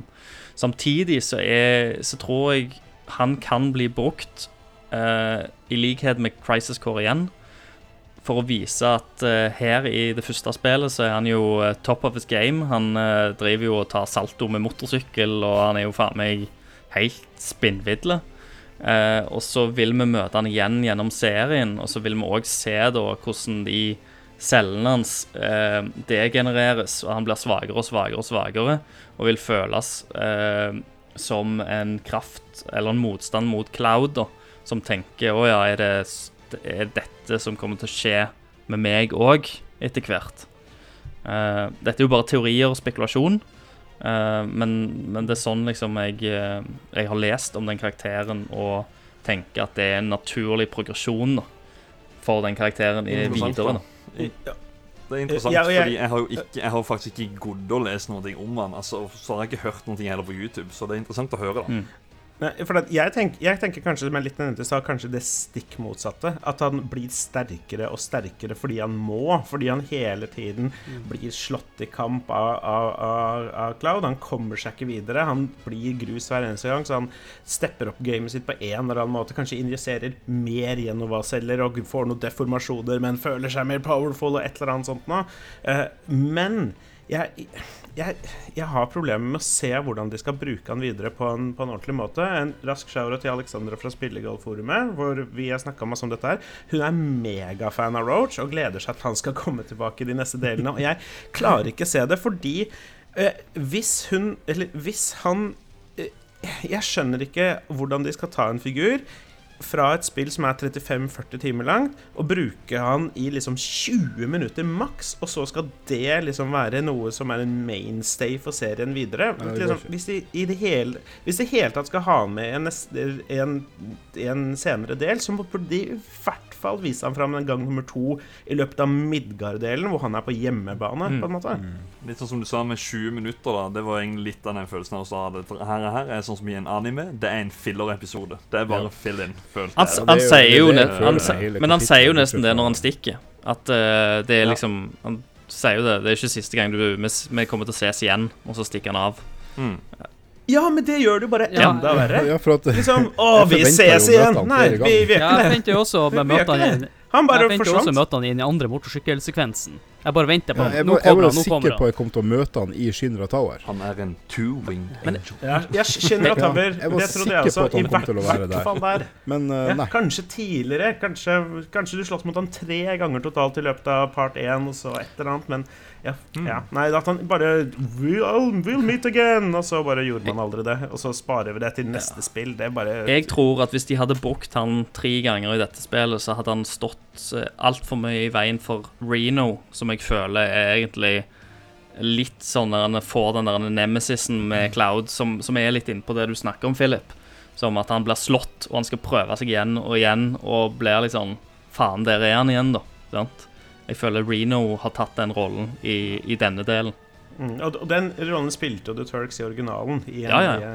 I, i en mye større grad. Og, og det, og det syns jeg er kjempefint. Gi de masse eksposisjoner som Jeg syns Turks er dødsfete, og remaken har løst det på en kjempekul måte. De ser dritbra ut og sånne ting. Um, litt artig selvfølgelig at Rune ligner helt prikk lik på en litt mørkere utgave av Rune Fjell Olsen i Level Up. Ja, jeg skal ikke si det. Eh, det er imponerende av designerne å ta inspirasjon fra en norsk eh, content creator. Men det er jo kult også. eh, Rune Fjell Olsen har jo noe å kle seg ut på halloween det her året. Ja, ja, ja. Han må jo velge det antrekket. Men- kanskje du- skokremen du- du- på den. Du ja, ja jeg du kasta den jobben meg med en gang når du skrev det, Philip, med Rude Fjell-Olsen. Mm.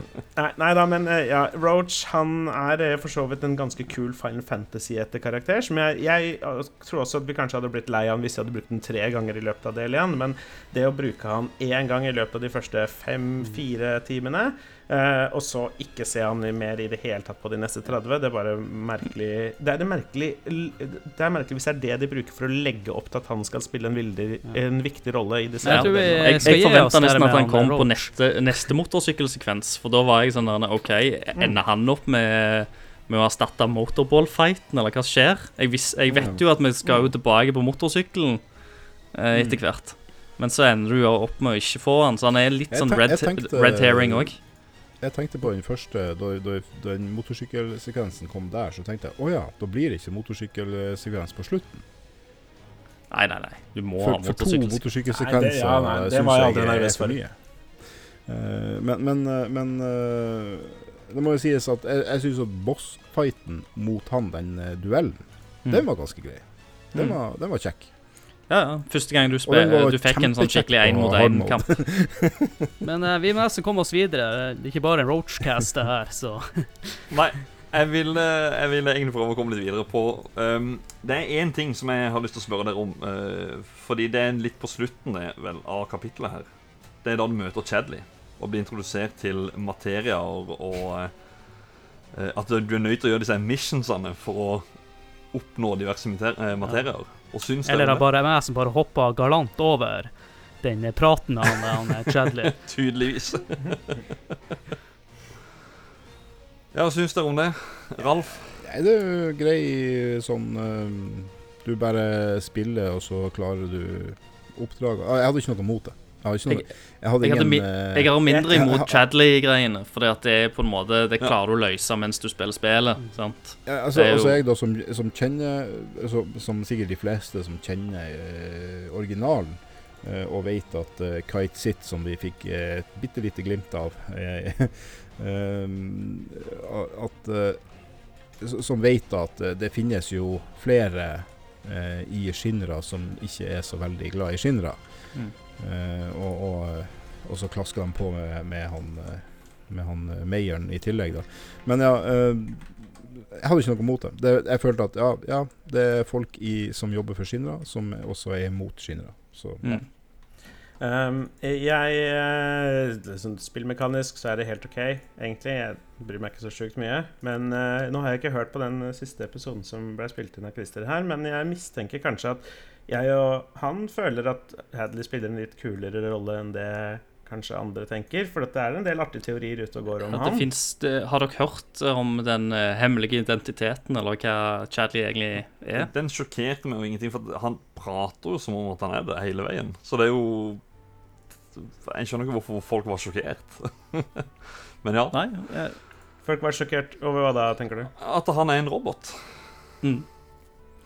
Det var Altså, han, han, han prater jo som en. Han, altså er han, han er plassert på alle plasser du er på gjennom hele spillet. Alle, alle byer du kommer til, alle chapters, så er han der. Så det Det var liksom Jeg følte det lå litt i si det sånn, at eh, jeg fikk det ikke med meg i hele tatt. Jeg syns han virka som en uinteressant karakter, så jeg bare Nei, nei, men du, du skal Jeg tror jeg, Det er ikke meningen at du skal få det Det er ikke meningen at, at du skal få det til, med deg eh, med en gang, Adrian. For at du må det, Hvis du kommer gjennom alle challengene og alle VR-missionene, så unlocker du en uh, hemmelig dialog med Chadley, der han egentlig sier at han er en robot okay. som er laga av Hojo.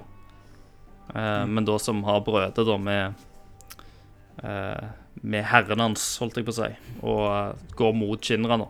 Fordi at når han møtte Cloud, så rørte Cloud noe i Altså i han, han følte et eller annet, og da eh, Så han er, egen, han er egentlig en ladybot.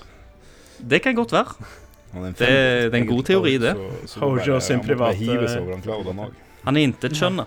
Ja, nei, jeg, jeg, jeg, jeg liker litt sånn den ideen om at det er fake, og at han egentlig fortsatt jobber for Hojo. Og det han på en måte gjør ved å gjøre det mer greie, er å samle informasjon på Det var det jeg håpte. Om liksom Ja, ikke sant? Det var litt den jeg også tenkte. Så jeg føler at det er litt sånn herre Og jeg var, jeg var en robot, men så kjente jeg følelser. Pip, pop, pip, pop. Nå er jeg snill.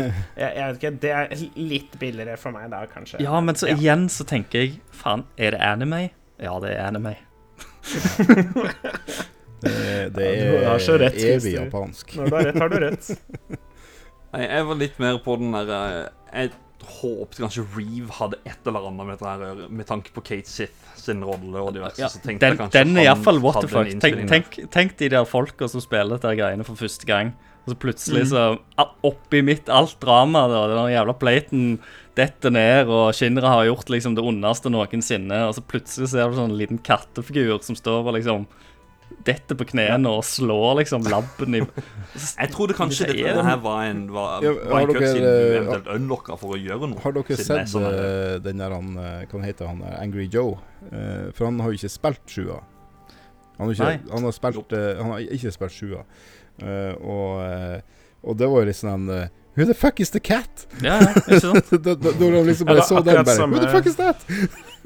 Akkurat samme opplevelse med en kompis av meg, ja. Thomas Hegers eh, spilljournalist, eh, som har eh, heller ikke spilt originalen av en eller annen syk grunn. Eh, og han Fordi spillet var jo mulig å få tak i en uke før det egentlig ble sluppet, og jeg måtte sitte på mitt fysiske eksemplar og vente siden jeg skulle gjøre denne 24-timerstimen, og han spilte det i mellomtida. Eh, og det var den første tingen han spurte meg. det var sånn her, Du, den her katten hva, hva, hva Er det liksom noe jeg skal skjønne hva er, eller hva er greia? Nei. Uh, ja, nei, Jeg vet ikke hvor mye jeg skal gå inn på det, men det er en sånn ting jeg er ganske skeptisk til. Eller fordi Ja, vi kan jo kanskje oppsummere litt senere, men nei, drit i det. Uh, I demoen var det veldig mange som ikke har spilt originalen, som likte veldig godt. Jeg er litt mer skeptisk til hvordan følelse de vil sitte igjen med når de er ferdig med hele jeg spillet.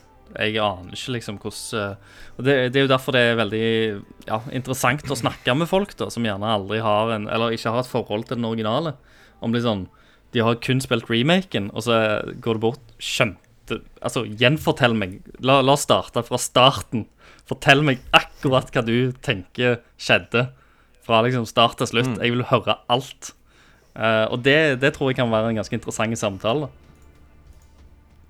Uh, I mellomtida så er vi fortsatt i kapittel tre. Eh, Nei, vi er på kapittel 4. Ja, du hopp- du- og ja, tenkte jeg, var- ja, så vi ja. skal over til kapittel 5, Men vet du hva? Jeg kommer, jeg, jeg, kommer, jeg kommer til å klippe en god del her, så det, det blir nok litt sånn korta ned. Men jeg tenkte vi å gå over til en pause, i hvert fall. Også, for jeg må tømme tanken. Ja, for, men, det, det vi skulle sagt om kapittel tre som ingen nevnte, var jo det at det var fullt med, med sånne meningsløse sidequests. ja, vi toucha ikke på det i det hele tatt. Det var, Det var litt så sånn svært å første- glemme. Første hubben med de. Sidequestene er Ja. optional. Veien. Første hubben med Sidequest, og du får løpe rundt med Tifa. Du får liksom ta det for som det det er. Eh, For å avrunde kapittel fire, da, du får hoppe i fallskjerm, noe jeg frika ut over i eh, traileren, for det skjer jo ikke før langt, langt langt ute i originalspillet. Og så slåss du jo mot Plot Ghost for første gang utafor Seven Teven der. Eh, og da kan man begynne å gjøre liksom Ja, hva er disse greiene, på en måte? Eh, I hvert fall hvis du ser på det lineært. Eh, ja, nå som vi vet det vi vet, hva var funksjonen til plotghostene i denne Det serien? var fordi at uh, i det originale spillet, som alle vet, så eh, ender jo uh, Cloud blir jo engasjert av Avalanche igjen og blir med på neste uh, neste mission til å sprenge neste reactor. Men eh, pga. Butterfly-effekten til Sephiroth så ender det opp med at eh, Barrett liker egentlig ikke så godt Cloud, så han blir ikke engasjert på neste mission. Eh, som Skal igjen Jesse isteden. Yes, som igjen uh, gjør da at uh, Plot Ghost så holder på å styre og stelle for å få ting på plass, fordi at de vet jo at Cloud må være med på dette missionet, sånn så han kan slåss mot airbusteren, sånn så han kan dette ned gjennom kjerketaket og møte Aeris. Det er viktig. Um, så Plot Ghost så i eh, chapter 3, de, de gjør egentlig at eh, Cloud forsover seg sånn at de kan skade eh, Jesse, som gjør da at Barrett har ikke noe valg med å engasjere Cloud og få han med på det missionet som han egentlig ikke skulle gå på. Og sånn løser, løser Plot Ghost så det at Cloud egentlig ikke skulle på det missionet. Ja, og her begynner liksom begynner mine å gå av. Fordi i originalen så var jo både Jesse og Veg med på originalmissionene, mens her tar han med Tifa og Cloud Ja. isteden. Men det, han, Cloud er jo, en, eh, er jo hovedpersonen, så det, Ja, ja, ja. Jeg, jeg, du har helt rett i Jeg kjøper Ja. alt sammen. Han skulle egentlig ikke være med i remaken. Plottkostene måtte sørge for at han ble med. Mm. Ok, greit, men plottkostene sørga egentlig ikke for at alt skjedde sånn som i originalen, siden Jesse Ovage ble hjemme, men de sørga vel for nok. Ja, da. sånn, de jo For. Så. For ut ifra Eris uh, så er plot ghosts og de blir sendt fra planeten. Sant? Så hensikten til plot ghosts og i hele tatt med å liksom følge den der oppskriften til originalen, er at de vet at i slutten så klarer de det. Sant? Planeten klarer seg.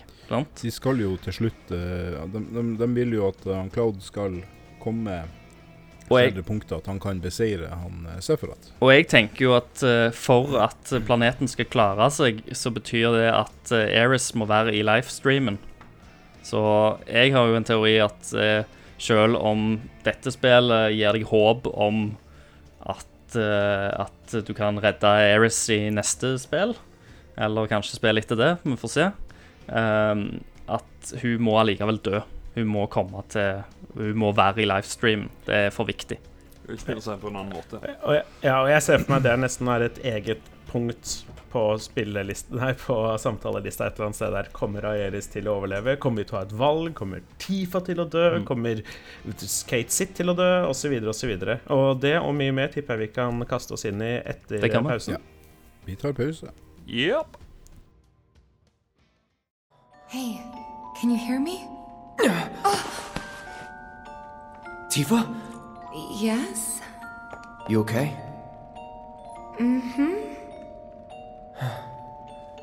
Good. Wait a minute. Cloud? Is that you? Oh my god, that makeup! And that dress! Nailed it. I know. Thank you. Moving on.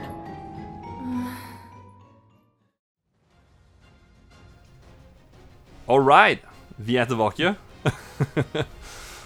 da hiver vi oss egentlig bare rett på Vi tar litt kapitler nå i, i en større bunke. her. Det er kapittel 5, 6 og 7.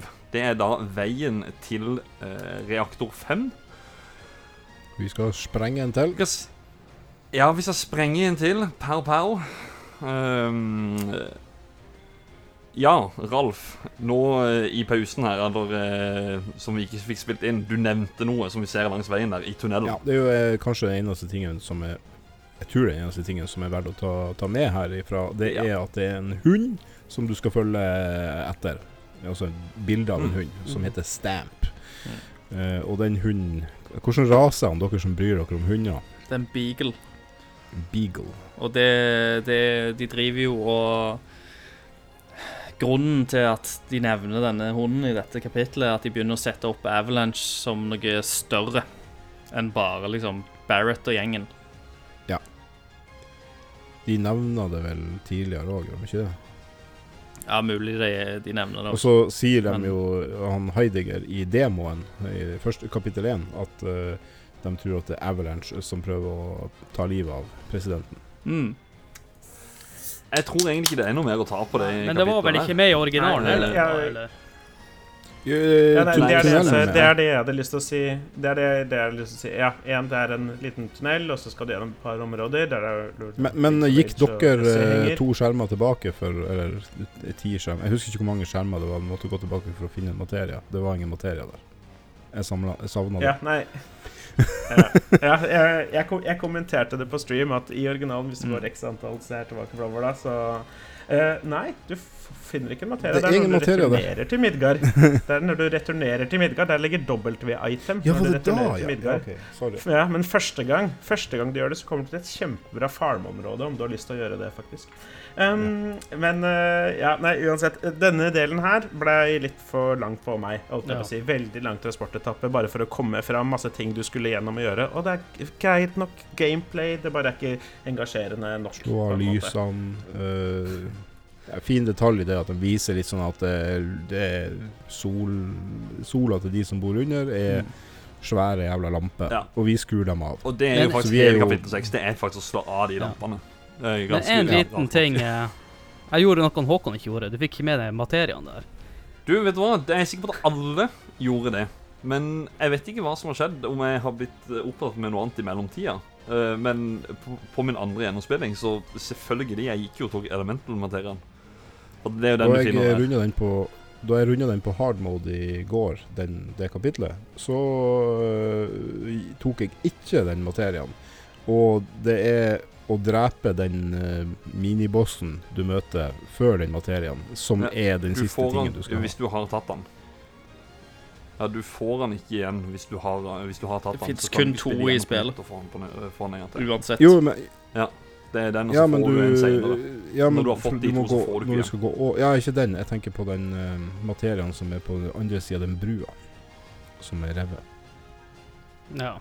Ja, jeg, jeg, jeg, jeg det, ikke. det, det er i hvert fall en der. eh, Ja, ok.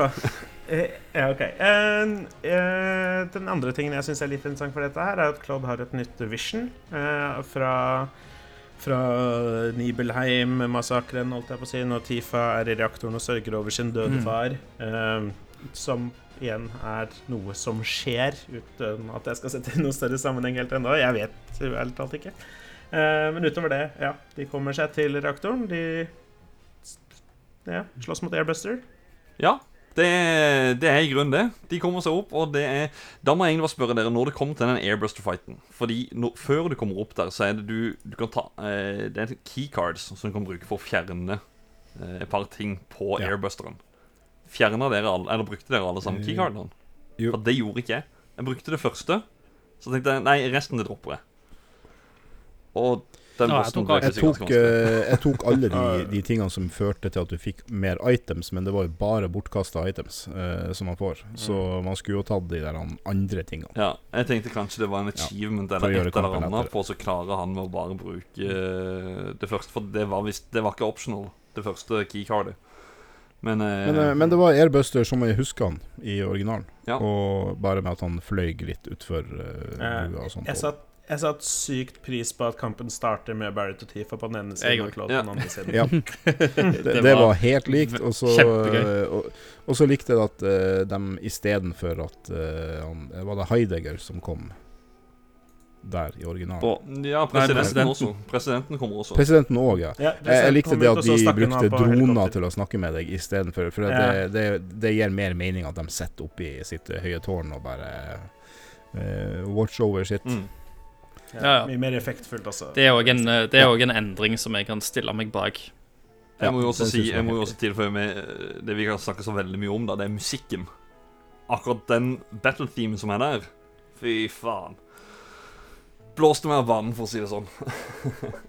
um, etter den kampen så um, henger eh, Cloud eh, på kanten av eh, Ja, av et stup og faller ned. Han henger og dingler, som Henger, sier. henger og dingler.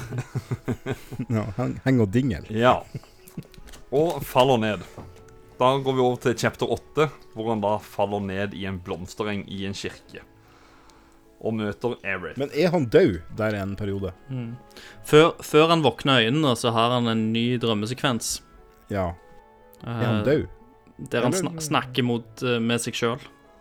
Nei, han, eh, han er ikke død. Han er, han er bare eh, en anime-tegneseriefigur som tåler Ja altfor mye. Ja, men sånn, hvorfor er han redd for å dette, da? Ja, eh, det, kanskje, det kan godt være at det har noe med blomstene til Eris å gjøre. De er jo Ja. spesielle. Ja, man kan, man kan egentlig komme tilbake igjen til det, da, for at det er sånn variert på hvor mye han tåler. Eller, eller så Eller så Nei, nei, han får jo blowjob senere i spillet, så å gjøre det to ganger blir jo litt drøyt. Men det er vel, eh, det er vel første gang de begynner, virkelig begynner å pirke liksom, på den splitta personligheten til Cloud, egentlig. Det er det liksom tydeligste oh, oh, hintet. Eris. Mm. Ja, ja. Ja, i, i, eh, da, før han detter ned, da. I den Ja. drømmesekvensen der. Nå husker jeg ikke nøyaktig når dette skjer, men det er på et tidspunkt Jeg trodde kanskje det var tidligere i spillet at han nevner et eller annet fem år siden Nibelheim et eller annet, og så reagerer Tifa på det, men sier ikke noe. Litt sånn Ja. som i originalen. Altså, det var som Jeg likte for så vidt, men jeg husker ikke om det var før eller etter det her. for så vidt Jo, du har noen, eh, du har noen subtile hint. Jeg tror det er eh, før mens, eh, mens de snakker sammen. Lurer på om det er chapter 3. Mm. Og men, men her er liksom første gang han, han på en måte egentlig snakker med seg sjøl. Fordi at han har jo i, Fra originalen så har han lagt flere versjoner av seg sjøl, som Tifa da egentlig samler sammen. Uh, og jeg følte iallfall at denne drømmesekvensen her er egentlig han som sier til seg sjøl at han må liksom eh, begynne å røre på seg og våkne og sånt. Og det Det var veldig den greia der. Det, Mm. var, det var et lite hint om hva som kommer. Ja, Han har jo noe lignende i originalen, hvor det bare er en svart skjerm og to skrifttyper som på en måte snakker med hverandre i små Stemmer. dialoger Ja. mellom noen scener. Stemmer. Men uh, ja, vi møter endelig Iris igjen. Ja. Mm. Skal vi Og, si noe eh, mer om det? s- som, jeg sa, som jeg sa tidligere, så mener iallfall jeg at hun kan enda mer Eller vet enda mer Ja, nå. det er det ingen tvil på. Det, er- den Enn- får, den enn det får du se mye, da. også. Det, er- det var faktisk en scene der jeg reagerte på, men det kommer vi litt tilbake igjen til seinere. Og, og en sånn en subtil ting som jeg vil si, som jeg har glemt å si i alle jævla podcaster jeg har vært med på og snakket om dette her greiene, det er ehm, Cloud har jo en sånn der en, eh, Let's Mosey-replikk sant? i originalspillet. Uh, og her bruker jo faktisk, uh, etter liksom kampen mot Reno, og når de skal liksom gå over hustakene, eh, så bruker jo Eris her eh, Mosey-replikken som Cloud fullfører. Og det tror jeg utviklerne har òg brukt som et subtilt hint, med at hun vet jo allerede at Cloud bruker den frasen der. Ja. Ja, OK, I guess. Jeg vet ikke, det høres mer som et artig Høres mer ut som et artig easter egg for meg, holdt jeg på å si. da Det er liksom Nei, men Altså, hvis du, hvis, hvis det, Det er én ting at hun vet at hun bør liksom redde Marlene, på en måte, så den delen vi kommer seinere. Det er liksom make sense, men at hun liksom bare sånn derre går rundt og er bevisst på hvilke one-liners Claude bruker i diverse situasjoner. Og Har- Har du sett, har du sett eh, det, som er, det som er gøy med alle Airs-scenene i dette spillet, er hver gang hun møter en ny karakter. Sant? Eh, og da mener jeg eh, ikke nødvendigvis første gang hun møter Cloud, men eh, når hun møter Cloud etter han har falt fra kirka, når hun møter Tifa første gang, når hun ser Barrett første gang, når hun møter Red første gang, Marlene eh, og sånt. Det er De må du liksom le se veldig godt, eller nøye da på. Fordi at eh, hun vet hvem de er. Hun kjenner de fra før av. Mm.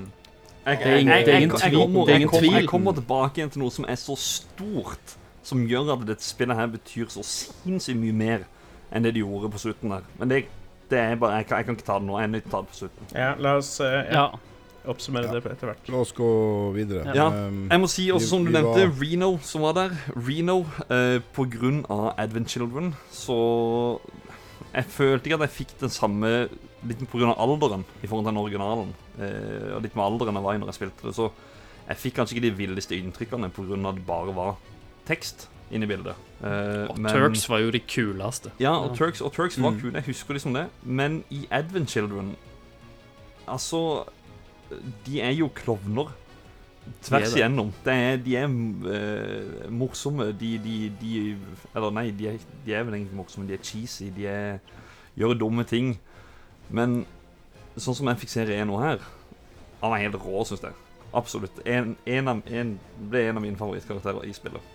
På grunn av Mm. personligheten til, til han.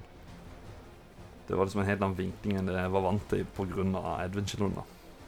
Ja, da, da er vi jo tilbake til den frykten jeg hadde opprinnelig. da, sant? For du har sett Advent Children, du vet hvordan de har behandla Mm, disse karakterene i ettertid og sånt. Og så eh, vet du at liksom Å, faen, nå, nå kommer det snart. Nå skal jeg se Reno. Hvordan, er han egentlig? Og så faktisk, bare Faen, dette er ikke Advent Children Reno. Dette er Dette er noe mye nærmere originalen. da. ja, Og, eh, og jeg var så glad, liksom. Når eh, bare sånn Yes! mm. Yes! De har ikke gått Advent Children-ruter på dette her. Er Karakterene er ennå sånn som de skal være, da. Syv-åtte år siden jeg prøvde originalen, så det er som siste gang jeg egentlig fikk med meg åssen de var da, og har huska det siden pga. Adventure. Uh, videre så går vi jo opp i slummen i sektor 5. Men det, du kommer jo plot ghosts der. Det gjør det. Ja. Redde Eris fra å falle. Stemmer. Ja. Der savner jeg litt det å så dytte tønner. Ja. ikke dytte tønner. Og det er, vel, det er vel på en måte første hintet, da, at eh, På at uh, disse her plot ghosts ikke nødvendigvis er onde, men de følger liksom sin Mm. egen formel. Sant? Det er jo før du vet at, uh, hva, de, hva funksjonen de ser. Sant? Nå er du jo ennå på litt sånn gjettestadie. Eh, men da viser det iallfall at å ja, de, de lot den ikke falle, ja. Da, da er de ikke bare onde. Sant? Da er det noe Men- mer med dem. Men utover det Ok, det var ganske snilt av det, jeg er for så vidt helt enig i det. Men utover det så er det jo utelukkende i veien i Mm, hele den ja. scenen. Yes. Og, og da liksom, igjen Kanskje det er for flisespikkete, liksom, men liksom, hvis hele funksjonen deres er bare å holde ting on track, så gjør de en ganske liksom, kronglete jobb med det. Ja. Ja. Ja. Og eh, det er jo litt sånn der vi, vi gir dem jo mye slack. Eller jeg gir dem mye slack fordi at jeg kan ikke nok om dem. Jeg vet ikke hva krefter de har, jeg vet ikke hva de kan. Jeg vet ikke liksom hvor eh, Sant? Ja. De er ennå veldig mystiske vesener. Mm.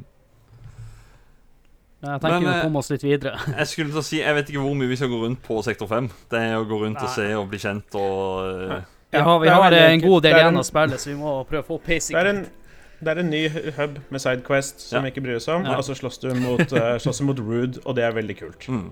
Hva, sier du, Philip? likte du ikke Angel of the Slums? Eh, jeg liker alt som eh, kan refereres til fra resten av compilation of Final Fantasy 7, som vi jo alle vet Angel of the Slums kan, og Mm. det setter jeg pris på. Aha. Men så går vi jo ifra eh, Vi går ifra eh, chapter 8 så over til noe nye. Da skal vi over til Wall Market. Da er det jo Cloud skal av gårde på natta. For at han, skal, han har egentlig fått beskjed om å holde seg unna Erith. Eh, av mora til Erith, da. Og Mm. det klarte Gareth å la være, så hun har sneket seg ut på natta og blir med Cloud. Og da stikker de bortover til spillets Red Light District, uh, way beyond original eh, Kanskje en av de feteste byene, spør du meg. Eller det er vel den feteste byen i hele spillet. Det er mm, Wall Market. Denne Eh, ligger det jo Og òg veldig mange forventninger rundt. Så har Ja, slengt inn en sånn evig lang uh, gåsekvens Jeg mellom skulle, jeg skulle til å si det. det sånn, ja, uh, vi kan sikkert snakke en time om Walt Market alene. Jeg har bare lyst til å nevne at jeg syns karakterutviklingen til Aeris er skikkelig kul her. Ikke bare sier hun shit i, liksom, når de er, driver og stikker fra den kirken, men her er hun Hun er jo den lokale liksom, Mm. slumgirlen som kjenner know her way around. Hun kjenner Wall Market. Hun vet hvordan ting funker og sånne ting. Claude er jo ikke peiling, liksom. Han er jo liksom Men Aeris er jo plutselig ikke liksom like uskyldig og liksom white Nei. magete som hun ja, fremstår i, i originalen. da. Mm. Uh, uten at jeg misliker hvordan hun fremstår i originalen, men, uh, men det, syns jeg er en veldig så kult, kult eh, karaktergrep da, rundt henne. Og Wall Market var veldig uoversiktlig uh, første gang jeg kom dit, og så gikk det seg litt til. Eh, jeg likte ikke helt hva de hadde gjort med musikken, eh, for jeg liker den originale feelingen så godt eh, i utgangspunktet. Og at det forandra seg musikk i hvordan områder du var i, som var litt merke merkelig. Men overall eh, veldig kult. Jeg digga det. Målmarkedet var dødsfett. Alle de nye figurene var dødskule. Hele greia på Honeybee Inn var dødsfet. Hele den dansesekvensen og, og alt det Ja. der. Jeg vet ikke hvor mye du har lyst til å gå inn i det, men eh, det er ikke den helt samme type mekanikker som i originalen, men en lignende type. eh, og det er for så vidt artig nok. Mm. Eh, det var gøy. Jeg, eh, jeg leste en interessant artikkel på Kotaku egentlig om det.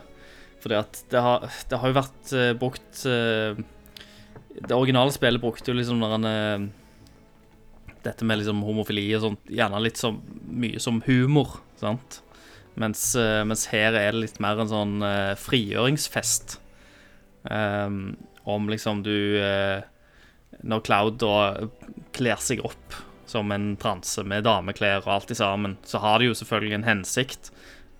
Men det er jo òg selvfølgelig et uh, transemiljø som vil mene ting om dette her. For det, det er sånn Det er den verden vi lever i. Uh, og eh, jeg syns egentlig at det er gjort uh, på en ganske smakfull måte. Eh, jeg likte alle endringene her, personlig. Mm. Sjukt bra. Jeg, jeg syns det var Mm. Jeg syns det var skøy. Det var um, eh, og, og de knallisene eh, som, eh, som du må ta pushups mot og, og alt sånt her, han eh, likte det òg. Eh, Savna litt eh, anime-greia, at han blir slått inn i veggen tusen ganger. Ja, Jeg sa- savner Jeg har ennå ikke klart å funne den secret scenen der Cloud må liksom i bathtuben med alle mannfolka. Jeg, hå- jeg håper ennå de har gjemt han der en eller annen plass. Eh, Det, det, er det, Christer, det er DLC. DLC. Det er. DLC. For at jeg, jeg, jeg vil tilføye den der arenaen som du kommer til inn i her. Da slåss du mot uh, forskjellige fiender. Når du har gjort det første gang, så kommer det til en bonusfight. Og det er kanskje den fienden jeg har lurt på helt siden remaken ble annonsert. Vi har snakka om fiender. Hvordan vil alle disse rare skapningene som er, Det er jo et eget meme, Håkon. Ja.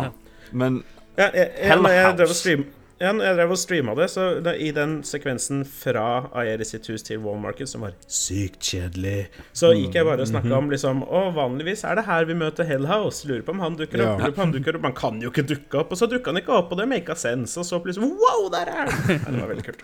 Jeg må jo si det var en av de tøffeste kampene. Jeg var stuptrøtt, så jeg brukte jo rett over en time på andre ordet. jeg. Døde og døde og døde. Jeg var så sur, det kokte innvendig. Men jeg skulle ikke gå og legge meg før jeg hadde tatt den. Så det gikk til slutt, da. ja, Eller gjør sånn som jeg, møtte opp med kun én sånn uh, elemental-bakterier. kun fire. Og elemental den bare ligger og med alene på en spot. Ikke, ikke i combine med noe. Du tok kanskje Nei, kun me Melee da. Adrian? Nei, vet du hva, etter ei god stund så innså at det her blir tatt tid og mye healing. Så jeg valgte å ta den på nytt. Jeg tok den på andre forsøket, da, men Eh, jeg syns det var veldig mye her som fungerte kjempebra. Helt enig med Christer om at hele cross-dressing-greia var Jeg, jeg syns det var kjempebra gjennomført. Alt fra mekanikkene til hvordan det var forklart at dette var noe du måtte gjøre, til gjennomføring av presentasjonen, og hvordan Claude, når han møter Tifa, og hun oppdager at Vet du, Claude, det er deg i en kjole! Han bare I know, nailed it, move on. I nailed it. I know. Eh, Thank you. Moving on. Ja. Nei, det var, det, var, det var kjempebra. Og det er selvfølgelig noe som har vært, et, vært, et, et, eh, vært noe som har blitt prata om, og noe de bekrefta ganske tidlig at kom til å være med, sånn at folk kunne liksom forberede seg. Men eh, det var veldig, veldig bra. Ja, det, var jo noen, det var jo noen som var redd for at uh, den kom til å bli tatt ut, at det kom til å bli sensurert ut Jeg tror det eh, også. Uh, ja, Jeg tror det. Og så bare Jeg tar de det eh, og bare ganger det opp. Det her har vi snakket om uh, i en tidligere episode òg, Men det kan jeg si at, at akkurat den delen der Den har blitt vist vanvittig mye som på trailer og diverse Det var vel Jeg følte på at nesten halvparten av trailerne eh, Du fikk se eh, Nei, en- det var nesten Jeg, jeg har kun halvparten de spilt den var eh, demoen og ikke sett traileren. Halvparten av de var wallmarket Og transe At du må kle deg ut som ei dame og diverse Så måtte de ha bevart det da ja. Og resten vi- var bombing mission. Jeg syns vi må i hvert fall snakke med, om han Corneo Det. Han som er Ja. Han er jo så, han er jo så bra! Han er jo Ja. perfekt! Han er jo Det Vi kommer bra. opp til grisegutten sjøl. Herregud. Jeg elsker Don Corneo. Eh, jeg, jeg, får- jeg, får- jeg får ikke nok av han. Når han Alt han liksom finner på eh, Alt fra liksom introduksjonen hans, når han kikker fram, og når han bare er, går rundt og slikker seg rundt munnen og bare liksom glaner på titsa til Tifa, ser ned liksom på assen, og så skal han liksom Men så, så liker han det litt røft, da, selvfølgelig, så han går jo, eh, går jo for Cloud, som, som snakker tilbake til han. Eh, og, og interaksjonene med Cloud som sitter liksom på sengekanten, og Don Corneo som kryper rundt på den der svære jævla senga hans mens han driver og tar bilder for å blackmaile. Det er, mm. det er helt faktisk, nydelig. jeg måtte faktisk gå tilbake og se på, på YouTube da For å se originalen og hvordan det var han kryper, han, han kryper rundt på senga Og det, og det er Ja. egentlig ganske Ja, ja. Ja, ja, for, det, det, jeg tror det er det som gjør at jeg setter så sjukt pris på Don Cornet. Dødsbra figur i remaken. Og fordi han har gjort Han har gjort så De har utrolig godt klart å fange essensen av han i remaken. Han har noen sånn utrolig enkle animasjoner i remaken hvor han liksom driver og Ja, rister på kroppen sin. Ja, og jukker jokker rundt, og liksom, som gir den en sånn aura bare være en sånn sykt ekkel gammel mann som driver og beiser på de stakkars små 20-åringene og liksom Nei, jeg vet ikke. Og han bare Den har de skikkelig klart å gjenskape da i, i remake Corneo. Det er en veldig god rolle. Samtidig så liker jeg òg den ekstrascenen med han. Jeg er ikke så glad i han der han er partneren hans og den der han er questen, men, men at jeg får se Don Corneo igjen der han faktisk eh, Altså gjør noe og, og vise Ja, litt skills, da. Vise at han er mafia. Ja, en skjøn, en skjønner litt OK, han, han her kan faktisk noe òg. Han er ikke bare en totalt klovn eh, og en sleazebag, men han kan faktisk eh, overlumpe folk. Noe som han eh, gjør med oss, ettersom han selvfølgelig klarer å lure oss i, i fella si i Ja. remaken som i originalen. Og plutselig så befinner vi oss i eh, kloakken sammen med hans, eh, en av hans leketøy Absu. Stemmer. Den Mm. eh, grisen, eller hva det er for noe? Er det en gris? Nei, jeg, jeg, Det er en merkelig gris. Jeg vet ikke hva det er. definitivt. Sånn, sånn har vi ikke på Østlandet. Horn og diverse Ja, han ligner på en Ganon, faktisk. Ja, faktisk. Ja, Ja. Hvor er Litt mer ganon. Dette her er jo også en relativt kjedelig del Ja, av det er at du skal komme deg gjennom kloakken. Eh, men det viktige er at han forteller jo hva som er planen til Shindra. Han forteller jo at uh, upperplaten skal bli droppa ned på de i slummen. Fordi vi truer med å knuse ballen hans. Ja. Smash den og cut him off og ja. Og her er det igjen så at spillet kanskje er Altså fungerer bedre for folk som ikke vet hva som skjer, for de bruker mye tid på liksom å snakke om at nei, Shinra er ikke så galne, de kommer aldri til å gjøre det. Mens vi som har spilt originaler, vet jo da, det kan de. Mm. Uh, mens uh, nye spillere, de vet jo ikke det ennå. Så, eh, så der føler jeg liksom nå Det er litt sånn er, Spillet vingler liksom fram og tilbake til liksom OK, nå snakker vi til liksom fans og de som har spilt og, og der er spillet mest, kjenner jeg. Men av og til så tar det noen stikkveier der det liksom føler at du, nå må vi snakke til nye spillere òg her. Mm. Og det er på en måte et eksempel på noe sånt. da ja. Det er kanskje Men, men uh, som, jeg, som jeg sa i stad, eh, det, det er jo folk som ikke har spilt uh, sjua, som digger dette. Mm. Uh, så så jeg, jeg, jeg satt litt og følte på at uh, de, de caterer veldig mye til de som har spilt spillet, og spilt ikke bare originalen, men Crisis Core og sett Advent Children og sett Final Mission og Ja, sant? Som har fått med seg alt. Mm. Eh, Ja, det er masse referanser og easter eggs uh, spredd rundt omkring. Ja, så jeg var litt redd for at uh, nye spillere kommer til å føle seg totalt låst, men, men, men eh, det virker jo som at det funker. Mm. Nei, så da er det jo greit at vi, vi skal bare løpe gjennom kloakken og komme oss opp uh, for å eh, gi beskjed og, og ja, forhindre dette her, da, at den upperplaten skal rase ned. Da kommer vi til kapittel 11, som er Ghost Graveyard. Jeg har litt lyst til å bare hoppe over hele Ja, ja. Kjempekjedelig. sekvensen der. Kjempekjedelig. hoppe over det. Ja, Ja. ja. Altfor lang. Der var det noen spøkelser. Okay. ja, her, er det det- er whatever. Bla, bla, bla. Den kjed kjedeligste delen av sp eh, spillet, bortsett fra at du får et litt lite øyeblikk med Erison by, eh, barndom helt på slutten. Mm. Ja, og så ser du Du ser jo noe av kids og greier. Hun der Marlene er jo der. Ja, men eh, Marlene-greiene s- Jeg vet da Ja, faen, det skjønte jeg ingenting Ja, det er noe sånn Sidequest. Jeg er en spøkelse som eh, utgir seg for å være ting. Bla, bla, bla. Pillar. Ja. Yes, Pillar. vi kommer til Pillar. Og der er det jo Etter Pillar kommer Pillar. Og der er det Her jo også okay, ja, for, ok, her starter jo alt med, når vi kommer til pilaren, at vi slåss mot Plast Ghost. Mm. Mm. Og da må jeg bare slenge ut det, som jeg har gjort hver gang de dukker opp tidligere. Hvis funksjonen til plotghostene er å holde linja der hvor originalspillet skal gå, hvorfor gjør det det så jævlig vanskelig å komme tilbake til denne pilaren? Er det fordi vi er for tidlig ute? Ja. Men vi har jo gått evig mye lengre runde gjennom eh, både kloakken og denne den her han, eh, Ja, akkurat det er jo helt, eh, helt, akkurat det er jo helt, eh, helt relativt, holdt jeg på å si. Men, men spørsmålet er eh, Er det svaret? At de gjør det fordi vi er for tidlig ute? Er det fordi det er det eneste som makes sense, eller er det noe i spillet som tilsier at vi er for tidlig ute?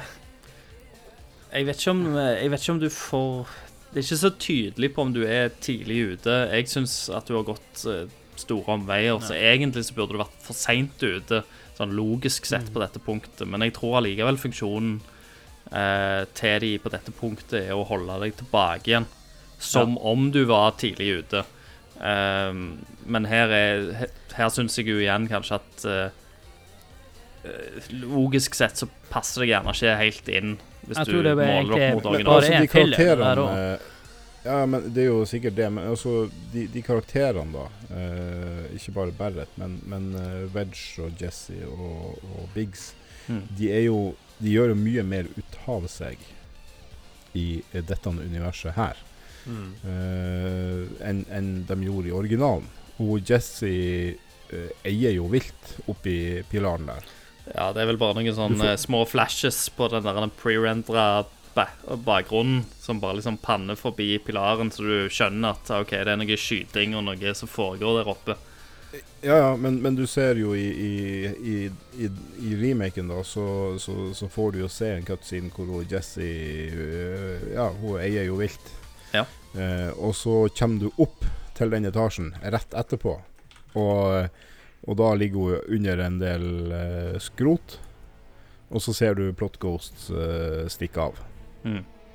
Så de har jo da bare gått inn der og bare OK, vi må, vi må ta henne, for at eh, soldatene klarer ikke å ta henne. Du tror, og du tror, du tror det? Hva tenker du, Philip? Ja, men, nei, ikke sant? Fordi at Sorry for å være han fyren, altså. Men hvis Ikke sant? Men det er gøy, da. Nei, men det her, her, her det Ja, liker vi ja, som Vi. Må ha, ha litt dynamikk. Ja, det er fint, det. Jeg, jeg, jeg, jeg setter pris på at du er han fyren, Philip. Jeg må ha en antagonist. Um, OK. Hvis OK. Plotghostene er der for å holde ting sånn som det skjedde i originalen. Men av en eller annen grunn så er det helt i orden at Wedge overlever. Nei Han, da, ja, men, Mm. han, ja, men han, han I originalen så detter han ned, Ja. og så faller han, og så lander han, og så dauer han. Yes. Ja. Her faller han, og så overlever han. Ja. Og det er helt i orden, åpenbart. Men det at Jesse dør La oss si at teorien til Ralph stemmer, noe som jeg syns høres rimelig ut, for, det, for den saks skyld, liksom. At det er du ser, idet de kommer opp og hun ligger der, ja, ja, ja. så ser du Plot Ja, Ghost eh, ja, ja. stikke av. og, og, jeg kjøper, og jeg kjøper det at det av en eller annen grunn er viktig for historien at Jesse skal dø, sånn at liksom, det skal påvirke Claude på en eller annen måte, etc. Liksom. Det er sikkert nok grunner til det, men hvorfor er det så sjukt viktig at Jesse dauer, men egentlig litt same shit om Veg overlever eller ikke? Ja, det er weird. Det- Det, og det jeg også tenkte det kan jo være, eh, eh, Skulle ikke han dø, han òg? Hvis du, hvis du virkelig da vil, eh, vil argumentere for det, så kan du òg si det som om at Jesse i den trioen der er kanskje den som Cloud har den største relasjonen til. Som vil påvirke han mest. Um, som, eh, som igjen, da Altså, fordi at du har vært med henne, og du har vært med henne hjem, og hun har flørta med deg, og Sant? Um, men som vi har liksom snakket litt om tidligere igjen, så er Så tror jeg ikke nødvendigvis det er Det, er så, det viktigste er jo bare liksom Når Cloud og gjengen forlater Midgard, da, sant? så reiser de Sephiroth, og alt er likt på den linja. Fordi at i hvert fall i det originale spillet så spiller jo ikke Avalanche noen mer rolle, for de slutter der. Sant? Um, Ja. Og de prøver jo å ta igjen Det blir sånn der en, Hva det heter da?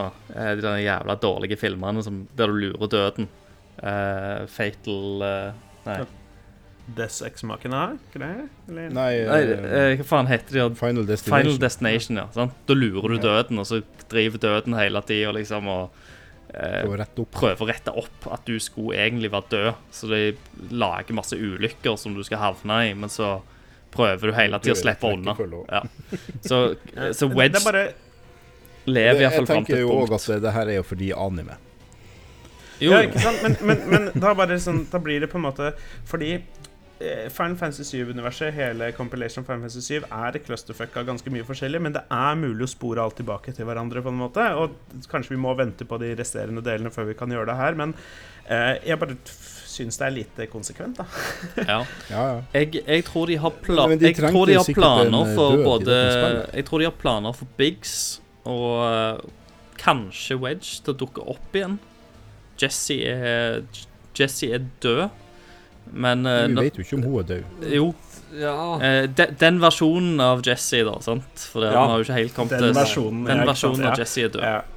Ja. Men ja, nei, eh, om Biggs og så dukker opp igjen. Det kan Eh, det kan jo gjerne være for at de har lyst til å bruke de DLC-er. Det kan være fordi at eh, de har lyst til å bygge ut Avalanche som en større del.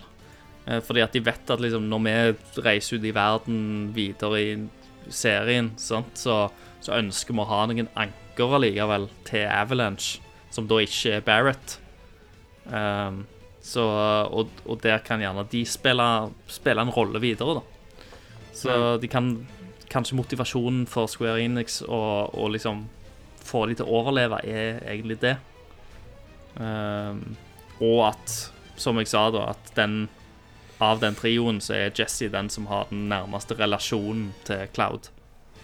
Ja, så plotghosten sørga for at hun døde, mens det var greit at Biggs og Wedge overlevde? Ja. ja. Men, men eh, ja, altså han, han, han Biggs han eh, dør jo i armene dine, han òg. Men, Du ser på slutten men at han ligger og men, chiller. men han, svimte, han svimte vel bare av, da. Ja. Men uh, ingenting blir jo forklart hvordan han kom seg ut.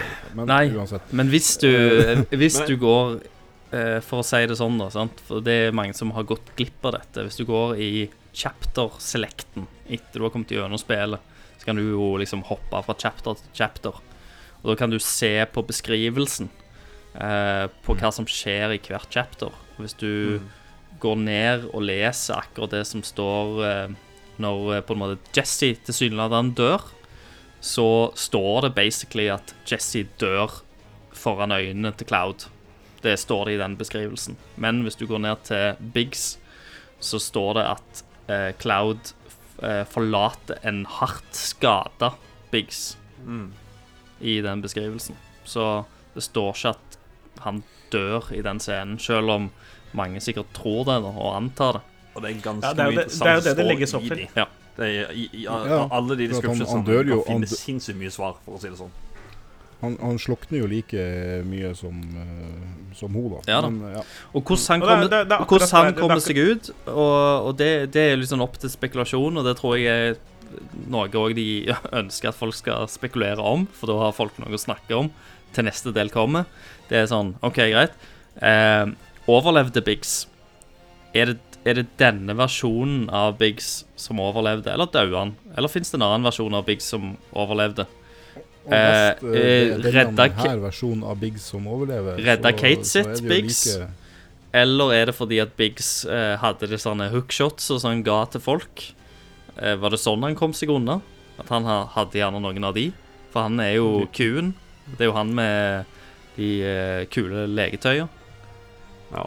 De må Sant. ta en sånn her, eh, atter, Nei, en sånn eh, Men det vet vi jo ikke. To tårn eh, To tårn-begynnelse på neste spill, da, som viser hvordan de faen han overlever. Ja. Men nå, men nå har vi gått, men nå har vi Ja. gått inn i Ja. denne samtalen og snakket om versjoner av mennesker uten å egentlig snakke om dette med tidslinjer og forskjellige versjoner Ja. av hverandre og Jeg, sånn i det hele tatt, for, fordi at jeg venter bare til at vi skal komme til den, den delen. Ja, ja, kan ja, kan, vi kan gjerne spole fram dit for min del. Alt jeg får si. Jepp, vi klarte det på toppen av pilaren, alle dauer. Reno og Rude, vi slåss mot de, og så i høyden for kult. Ja, og så suser vi nedover i kanskje den feteste cutscenen, eller en av de feteste cutscenene, når de slider nedover i sektor 7.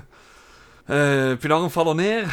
Vi uh, er i sektor 7. Skal komme oss tilbake igjen til sektor 5 for å uh, treffe mora til Erith. Det er på jakt etter Marlene, blant annet, som Men hmm? ja, var det ikke nå vi fikk eh, enda en sånn sidequest-ting? Ja, nå husker jeg ikke sånn i farta, faktisk. Ja, Det gjelder labben. Det var jo filler, det òg.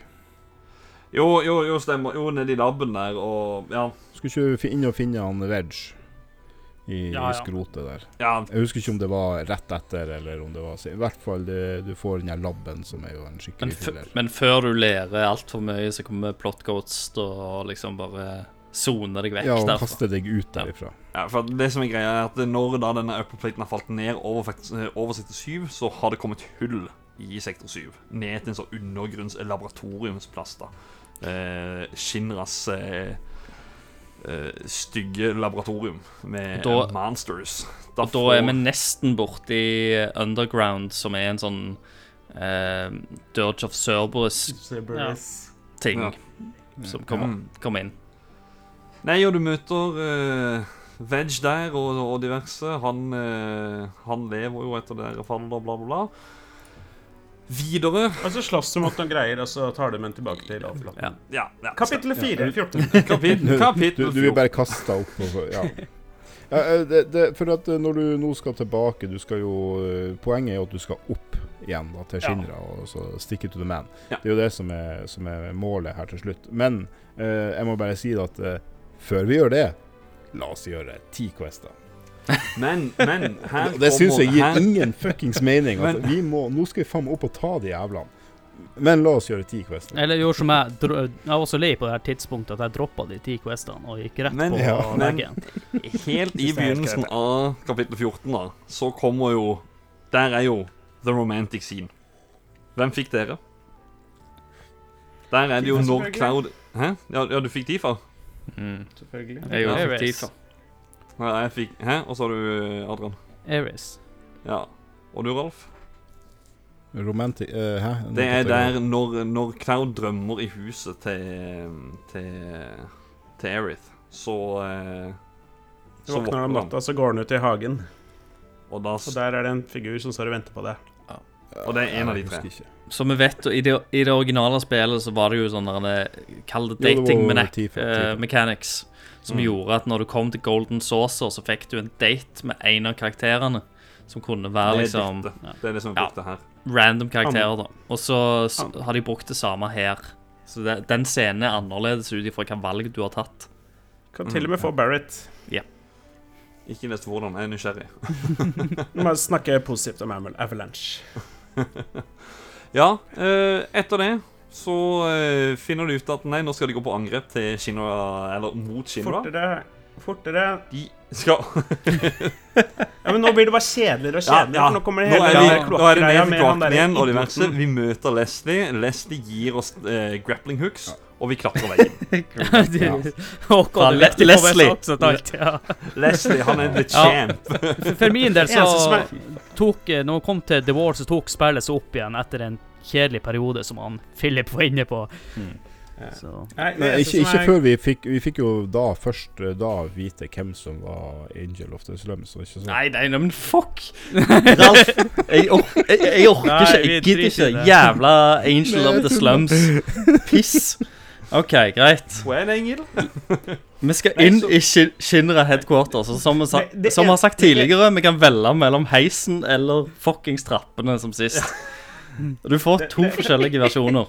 Og så Jeg skal nevne én supersøkt ting før vi går videre. De som alle, Jeg syns Leslie var kjempekjedelig også, for alt det der. Greit, det der.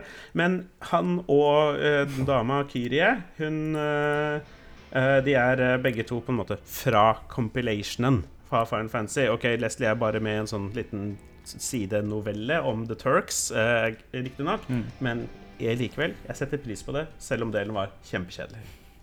Yes. Jeg, jeg trodde først at det var Juffy. Bare fordi de går ganske likt kledd. Men, uh, men så tenkte jeg å, jeg håper ikke at det er voice actressen til Juffy. For hun, hun er ikke så bra. Uh, men, uh, men ja. Så kom kom jeg på at Ja, nei, faen, hun fins jo i compilation. Så stemmer det. Nei, så vi, vi går inn i Shinra Tower. Vi skal ta The Big Bad opp. Eh, og der er det jo I originalspillet så er det masse forskjellige etasjer og mye ting å gjøre. Jeg må bare si en liten ting. Det er litt morsomt at eh, de har fylt spillet med masse fillers, og så kommer det til en plass der du faktisk skal gjøre litt. Det har de bare droppa. Hva da, tenker du på? Nei, du hadde jo masse puzzles inni det, Shinra Tower.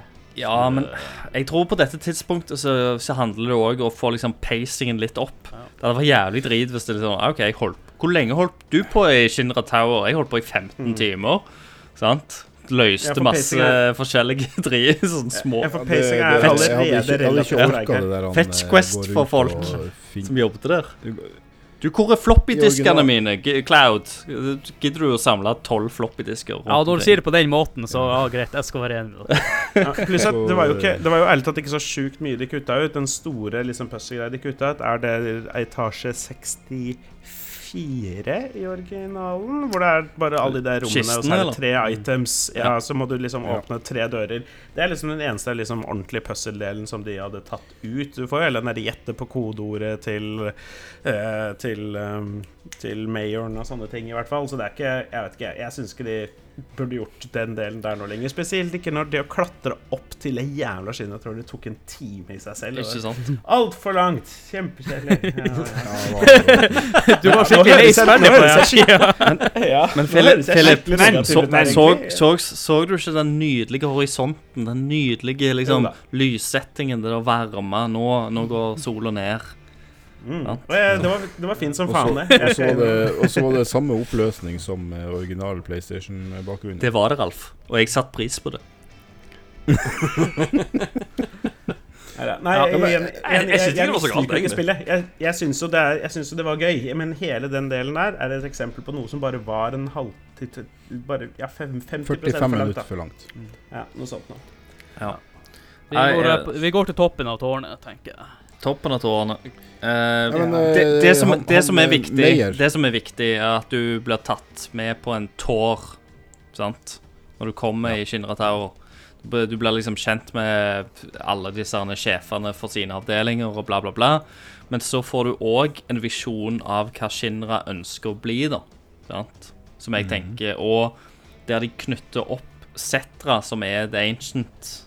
Sant? Det, det som Eris er den siste gjenlevende ancienten av. Sant? Uh, så du får jo se en, eh, en eh, cutscene som Der de flyr egentlig rundt omkring i verdensrommet og lander tilbake på jorda for mange år siden, når liksom ancientene og setterne levde fint i harmoni med summons og sånt. Uh, som minner veldig, veldig om eh, den scenen du har med Bugenhagen i Cosmo Canyon. Mm, mm. Um, så det er liksom viktig å få med, for der liksom driver de og setter opp en del ting rundt, rundt de, da. For øvrig en veldig fin cutscene nå, da, syns jeg. Det var Mm. veldig bra. Men hvorfor kommer ikke Plot Ghost eh, der og forhindrer oss ifra å se det? Jeg vet ikke om det gjør så mye eh, Nei, forskjell. det, er jo også, det er jo også bare en demofilm fra, Skinner Shinra Tower, så det er jo Er det ikke de som viser Men det? eh, det meste med Shinner Tower, det er jo med han Hojo og labbene der og detter ned og møter møter han, Hojo! Ja, ja for kan vi ikke, kan vi ikke gå, gå dit? Ja. Ja, Ja, kan vi ikke gå dit? Ok, greit. Fordi, ja eh, Den delen, sjukt fet, eh, vi kan sikkert komme til det. Eh, den cutscenen hvor du på en måte spionerer på på møtet til Shinra-toppene, er veldig artig, for mye pga. Hojo. Um, jeg stilte mye spørsmål til hvordan de skulle løse det at Hojo i originalen planlegger å breede Red 13 med Aeris. Yes. Um, Det er noe Når de kommer til den scenen, så bare later de som ingenting. De bare hopper rett over det. Men han sier det jo faktisk i denne tidligere scenen i det møtet at å, jeg gleder meg til å breede henne med masse forskjellige species, liksom. Og jeg bare wow! Gi meg, meg tillatelse til å bare breathe at det er masse rart. President Maria, gjør det du trenger. Ja. Uh, ja, nei, så det, det er unektelig Bare, bare gjør det evil. Ja, ikke sant. Men, men ja, Hojo, sjukt bra gjennomført. Ja, når han, når han står foran Aerith og forteller hvordan de eksperimenterte på mora Mm. Det var liksom Ja, hvert ja. eneste hårstrå, hvert eneste del av beina sitt. Altså, det er akkurat som de har bare revet Tok liket hennes Ja, og bare delte De det ned til DNA-nivå. eh, Mm. studert. Jeg bare sånn Satan, din syke, syke mann. Så den Ja, nå skal jeg få eksperimentere er på deg, moi. Ja. Så nå, nå gleder jeg meg bare til scenen der han ligger på Costa del Sol og Ja, soler seg med labcoaten på. Med disse jævla bikinidamene rundt seg. uh, her, skjer noe, her skjer det jo noe veldig plot ghost-aktig greie etter det som vi, når vi kommer til denne drummen, og de vil holde på rundt der. Også en del som kanskje var litt grann for lang, uh, men sikkert grei nok. Eh, jeg, jeg er litt sånn der, jeg syns det, det, det er så billig når det blir sånn Å, jeg skal teste deg i tre forskjellige ting, og så hvis du klarer det, så skal du få slåss mot meg, liksom type ting. Mm. Det blir bare sånn Ja, vi skjønner at du bare vil gjøre spillet litt lenger og vise frem kule ting her og sånne ting. Eh, det er greit nok. Eh, og så møter Ja, men når Hojo møter Claude face to face tid Hvor lang tid gikk det fra du For du møter jo Sefrot her òg, da. Eh, og så kapper han brua, og du detter ned i the drum. Hvor jævla lang tid ligger du der? Eller? Jeg følte at jeg ikke helt var med når, jeg, når, når du liksom begynner å spille igjen. Bare hvor lang tid har gått? Eh, Du ser på Nei, monitorene til Hojo at eh, Cloud virker som han kommer seg ganske kjapt opp igjen. Ja, Mm. Etter han har datt. Jeg tror ikke du har Men det, noe jeg skulle si, men det jeg skulle si, er at når der møtes jo de ansikt til ansikt, Sojo og, og, og Cloud, og han sier jo at bare Å ja, du har Mako i deg òg, du er kledd ut som en soldier, og du er en soldier, men my boy, you weren't a soldier. Mm. Men så kommer det noen plot ghost og ja, stopper han fra å si noe. Ja. For det er for tidlig for Cloud å vite det ennå. Å vite at han eh, ikke var en soldier. Mm. Så, så det er liksom Ja, det, det er de plot ghosts og der, da. Og det er òg første gang eh, resten av partyet ser Sefrot, og Sefrot bare ikke er i hodet til Cloud, uh, iallfall Mm. det han tror. Ja, når han eh, går fram til Genova for å Yes. Før vi Ja, detter ned i drømmen, ja. Mm. Da ser de andre Sefrot òg. ja. Men så har de funnet veien opp igjen til der Genova. Og der ble jeg litt skuffa. For veien opp, for da skal du opp til, til kontoret. Mm. At det var lilla gugge. Jeg hadde faktisk forventa det som var i originalen. Blod, Blod. overalt. Det var altså det, den, den scenen og den musikken som er i originalen til å være på PlayStation 1, jeg syns den setter sine spor i dag også. Fordi det er, Ja. det er en intens scene. ja, jeg har lyst til å Når jeg skal, gugge, så er det sånn jeg- skal balansere det ut, men først eh, kritikken. Det er sykt mye mindre eh, atmosfærisk enn i originalen. Du blir tatt til fange. Du våkner opp, og vaktene er borte, dørene er åpne, og du følger dette blodsporet på en måte. Det, og det, ja, det er veldig Det er dritskummelt. Eh, her så er det sånn Vi finner et sted å mm. Her er det sånn Vi finner et sted å chille litt. grann. Eh, og så chiller vi her, litt, i- hvor Aeris blei forska på når hun var liten. Eh, og så går vi videre når vi føler oss klare for det. Oi, her er det noe lilla gugge på bakken. Vi følger den lilla gugga, og så skj- skjønner så liksom plutselig- greia. This is the point of no return.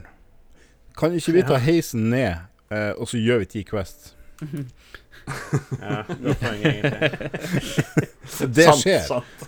Og, er, er og Eris hun stopper alt, og så sier hun dette er point of no return, og sier hun igjen senere. Da. Det- Men det er første gangen. Jeg bare OK, det- du bare Det er da Final Fantasy 7 Remake bare blir et spel. Da snakker Ja. du jo til spilleren, som, eh, Ja, ja, ja. som et open world-spill ville òg ha gjort. Mm. Jo, jo, men jeg bare Det er bare OK. Og så, og så bare Ta noe, Du kan gå ned, og så kan du Ja, leke med simulatoren og gjøre noe Ja, best. Så. Det, er den samme type suspension of disbelief-greia som jeg får ved at liksom vår karaktergalleri stikker seg så utrolig mye ut fra resten av byen, som de på en måte omgås i. Um, uh, som også kommer inn igjen litt her, for det er den derre Å, vi følger noe sjukt gangstershit og lurer på hva som skjer. Men det er et par VR-missions igjen i den maskinen til han Hadley. da. Vi skulle ikke stikke og liksom gjort det først. Åh, nei, ja. Jeg skjønner hvorfor de gjør det, fordi det makes sense sånn spillmekanisk, For, men uh... for der syns jeg Final Fancy 15 gjorde det mye bedre. At uh, når du kommer til det punktet at det er no return, så blir du, må du bare gjennom hele greia. Du må bare gjennom hele skiten. Mm. Eh, det, det er ikke noe vei tilbake da. For så vidt litt uh, flisespikkeri, føler jeg. Uh, men så spiller vi jo mot uh, Genova. Ja. Det er Og den gøy. kampen Det der, var gøy. der og Og der musikken. Og der fikk jeg det som jeg ville ha. Fordi når Det, det la jeg merke til med alle andre fiender. At du var det gjerne sånn fire-fem stykker samme fiender. Så var det jo A, B, C, D, E. Jeg tenkte bare, Hvor er et fullt alfabet? Kan vi bare få alle bokstavene? Og det fikk vi jo der. De her ten- tentaklene som poppa opp overalt. Jeg visste OK, gi meg all, alle bokstavene. Gi meg hele alfabetet. Kjør på. Jeg skal ha den at det skal være drøssevis av fiender. Og det var det, for å si det sånn. Tentakelhelvete. Ja, Og som du sier, eh, og så, som du sier musikken. Altså, Jesus Christ, man. Breathtaking. Gi meg mer. Ja, den, eh, det var Det var eh, Det var alt det jeg forventa, og mer til. Og det at han faktisk har det- tre Det, det, er jo en ny, det er jo en ny kamp. Eh, og her, her tillater jo Og en grunn til at dette funker så bra òg, er jo at eh, du blir transportert til et mye å- åpnere område, sant. Eh, du får liksom uh, Kameraet er ikke irriterende, sant. Eh, du har liksom full oversikt. Uh, selv om Genova er egentlig en sånn der en bullet sponge som tåler jævlig mye, så har du alle disse tentaklene som er med på å få kampen til å føle at du får progresjon gjennom kampen, fordi at du slår ting hele tida, sant. Eh, Og jeg- jeg òg syns den er veldig gøy, selv om det er òg en ny kamp. Det, den var ikke med i originalen. Eh, Ja, og, og um, vi må ikke glemme det hun, eh, hun Eris har jo i hele spillet sagt at uh, Shinra er ikke, Fienden. er ikke bad guys. Ja. Det er ikke store Shinra vi skal være redd for. Ja. Og, og når uh, da Genova kommer, da sier hun at dette er liksom Kilden. Ja. er alt. Mm. Uh, så skjer det jo også noe litt uh, crazy shit. For da kommer vi endelig opp mot eh, presidenten. Eh, nei, det har vi kanskje gjort allerede. Er Genova før eller etter presidenten dauer? Etter. Det er Det etter, ja. Ja, ok, faktisk, riktig. faktisk, så vi må hoppe Ja. litt tilbake igjen, da. Ja, ja. Ja, riktig. Hoppe ja, ja, ja, for det, det føler jeg synes jeg er viktig å nevne av to grunner. Den ene er at jeg syns originalen igjen gjorde det på en sjukt mye bedre måte. Når du kommer Ja. inn på presidenten Ja. sitt kontor, følger dette blodsporet, og der ligger han bare med dette svære sverdet i ryggen, og du vet at det er bare Det er Sephiroth sitt sverd. Det er alt du vet, og du vet at han er en superlegendarisk fyr, på en måte, men du ser han ikke. Du vet ikke noe mer enn at presidenten er drept med sverdet til Sephiroth i ryggen. Det er det, på en måte. Jeg, tror- jeg Også, tror egentlig når du spiller originalen første gang, så vet jeg ikke hvor, hvor mye forhold du har til Sephiroth på dette punktet i det hele tatt. Nei, Nei, jeg er helt enig. Jeg, jeg, jeg er helt enig, og det er det som på en måte er den store forandringen. Hvor at her så dytter du jo Sephiroth opp i ansiktet ditt og er liksom Dette er en mystisk fyr. Dette er et eller annet. Han er den store big bad guyen. Et eller annet sånt. Og det ligger liksom og lurer i bakgrunnen hele tiden. Ja, for Mens i originalen er det mer sånn derre uh, OK, hva? Hæ? Hm? Du, skjø du skjønner ikke hvem Sephiroth er før du får Nibelheim-scenene, egentlig, i Colm. Men jeg Eh, må, jeg må forstå og så da når du spiller Hvis du spiller mid, uh, Final Fantasy 7 om igjen og går gjennom Midgard, så er det sånn Å ja, faen, de nevnte jo Sefrot der, og de nevnte Sefrot der. Så ja, ja, han har jo vært her faen meg hele tida. Sant? For først, først uh, når du spiller første gang, så er det bare et, et annet navn, da, sant, så av noen. For det er så jævlig mye annet du må liksom henge deg opp i og lese igjennom. Så Shinra er liksom hovedfokuset ditt fram til det punktet. Mm. Men eh, for, eh, forskjellen fra originalen til remaken er at nå har det jo gått 30 timer kontra hva, to timer du kommer til den scenen. Så jeg føler jo også at jeg må jo kanskje prøve å introdusere han eh, Sephiroth i det her Jeg spillet. tror, for, jeg tror forskjellen er litt annen, og det er jo fordi at eh, Sephiroth og Cloud er posterboyene til, til Square Enix. Hvis de kan putte dem på en eller annen plakat, hvis de kan få solgt dem på en eller annen måte, så, så gjør de det. Og jeg tror eh, folk som aldri har spilt spillet før, har liksom et forhold De vet liksom hvem Sephiroth og Cloud er. De tenker at ja, Cloud er good guyen i Final Fantasy 7. Sephiroth er bad guyen, utenom, uten at de vet liksom hva tid han eh, kommer inn i spillet, og hvordan han fungerer i spillet. Eh, det er liksom det som de har på en måte satt ut til liksom det kommersielle markedet, da. Sant? Så det er liksom eh, folk som går inn i en Final Fantasy 7 remake. eh, det, det de gjerne vet fra før av, det er kanskje Eris dør, for det er en jævlig store snakketing. Og så er det, det er Cloud, og det er Sephiroth. Det tror jeg er liksom de tingene de kanskje vet, eller har hørt om tidligere. Og det er kanskje motivasjonen for Square Enix å bare pushe inn Sephiroth tidligere. Mm. Men ja, Barrett eh, dør og våkner igjen, og um, Mm. Blir introdusert til Rufus. Hæ? Rufus-kampen. ja, vi banker Genova, Mm. uh, og så møter vi Rufus. Barrett Um, blir uh, drept og uh, reviva av ja, Av uh, Kan jeg bare Kan jeg bare veldig da kjapt Mm. spørre, er det noen av dere som på noe tidspunkt tenkte Oh shit, de drepte Barrett? Jo, jeg Ja. gjorde det faktisk. Jeg gjorde det. De gjorde det. Jeg fikk en litt sånn derre Hæ? Du kødder? For det er, det er Yes. som jeg har sagt også, Jeg, jeg forventa at det skulle skje endringer i dette spillet. her Det, det, det, ville, det ville ikke være det originale spillet. Sånn, Mm. sånn, altså Jo, de ville følge det, men noe stor forskjell ville komme. Så jeg, om, om han hadde vært død, så Ja, så hadde det skjedd. Jeg, jeg trodde ikke Nei, Christer. Nei, eh, altså de, de fikk jo liksom selvfølgelig en liten sjokkeffekt av meg i øyeblikket det skjedde. Det er sånn Oi, hva skjedde nå? Sant? Der, eh, der tok de meg. Men eh, så begynte jeg å tenke OK, hvordan skal de fikse dette? Han kan jo ikke være død. De kan ikke drepe av Barrett. Det går ikke, går ikke an. Eh, og så er jo Plot Ghost så der, og du har det der jævla Plot Ghost-støvet. Til og med Sephiroth har det Plot Ghost-støvet når han stikker eh, Når han stikker Barrett der. Så, Mm. så, har, så har han det på seg, på en måte. Og eh, Så jeg var liksom Ja, et øyeblikk med sjokkeffekt, og så tenkte jeg OK, de kommer til å fikse det på en eller annen måte. Skal vi ta en eh, Ja. kjapp eh, pause før vi tar um, Ja. og går til Ja. uh, slutten og en, uh, og en konklusjon? ja. Let's do it. Og litt, litt, litt teori. Mm. Ja, som du hørte der, så sa Ralf ta en pause. Dette her var faktisk slutten på del én. så nå får du gå over på neste lydfil, altså del to, og så nyter du den. Kan du ikke det? Snakkes!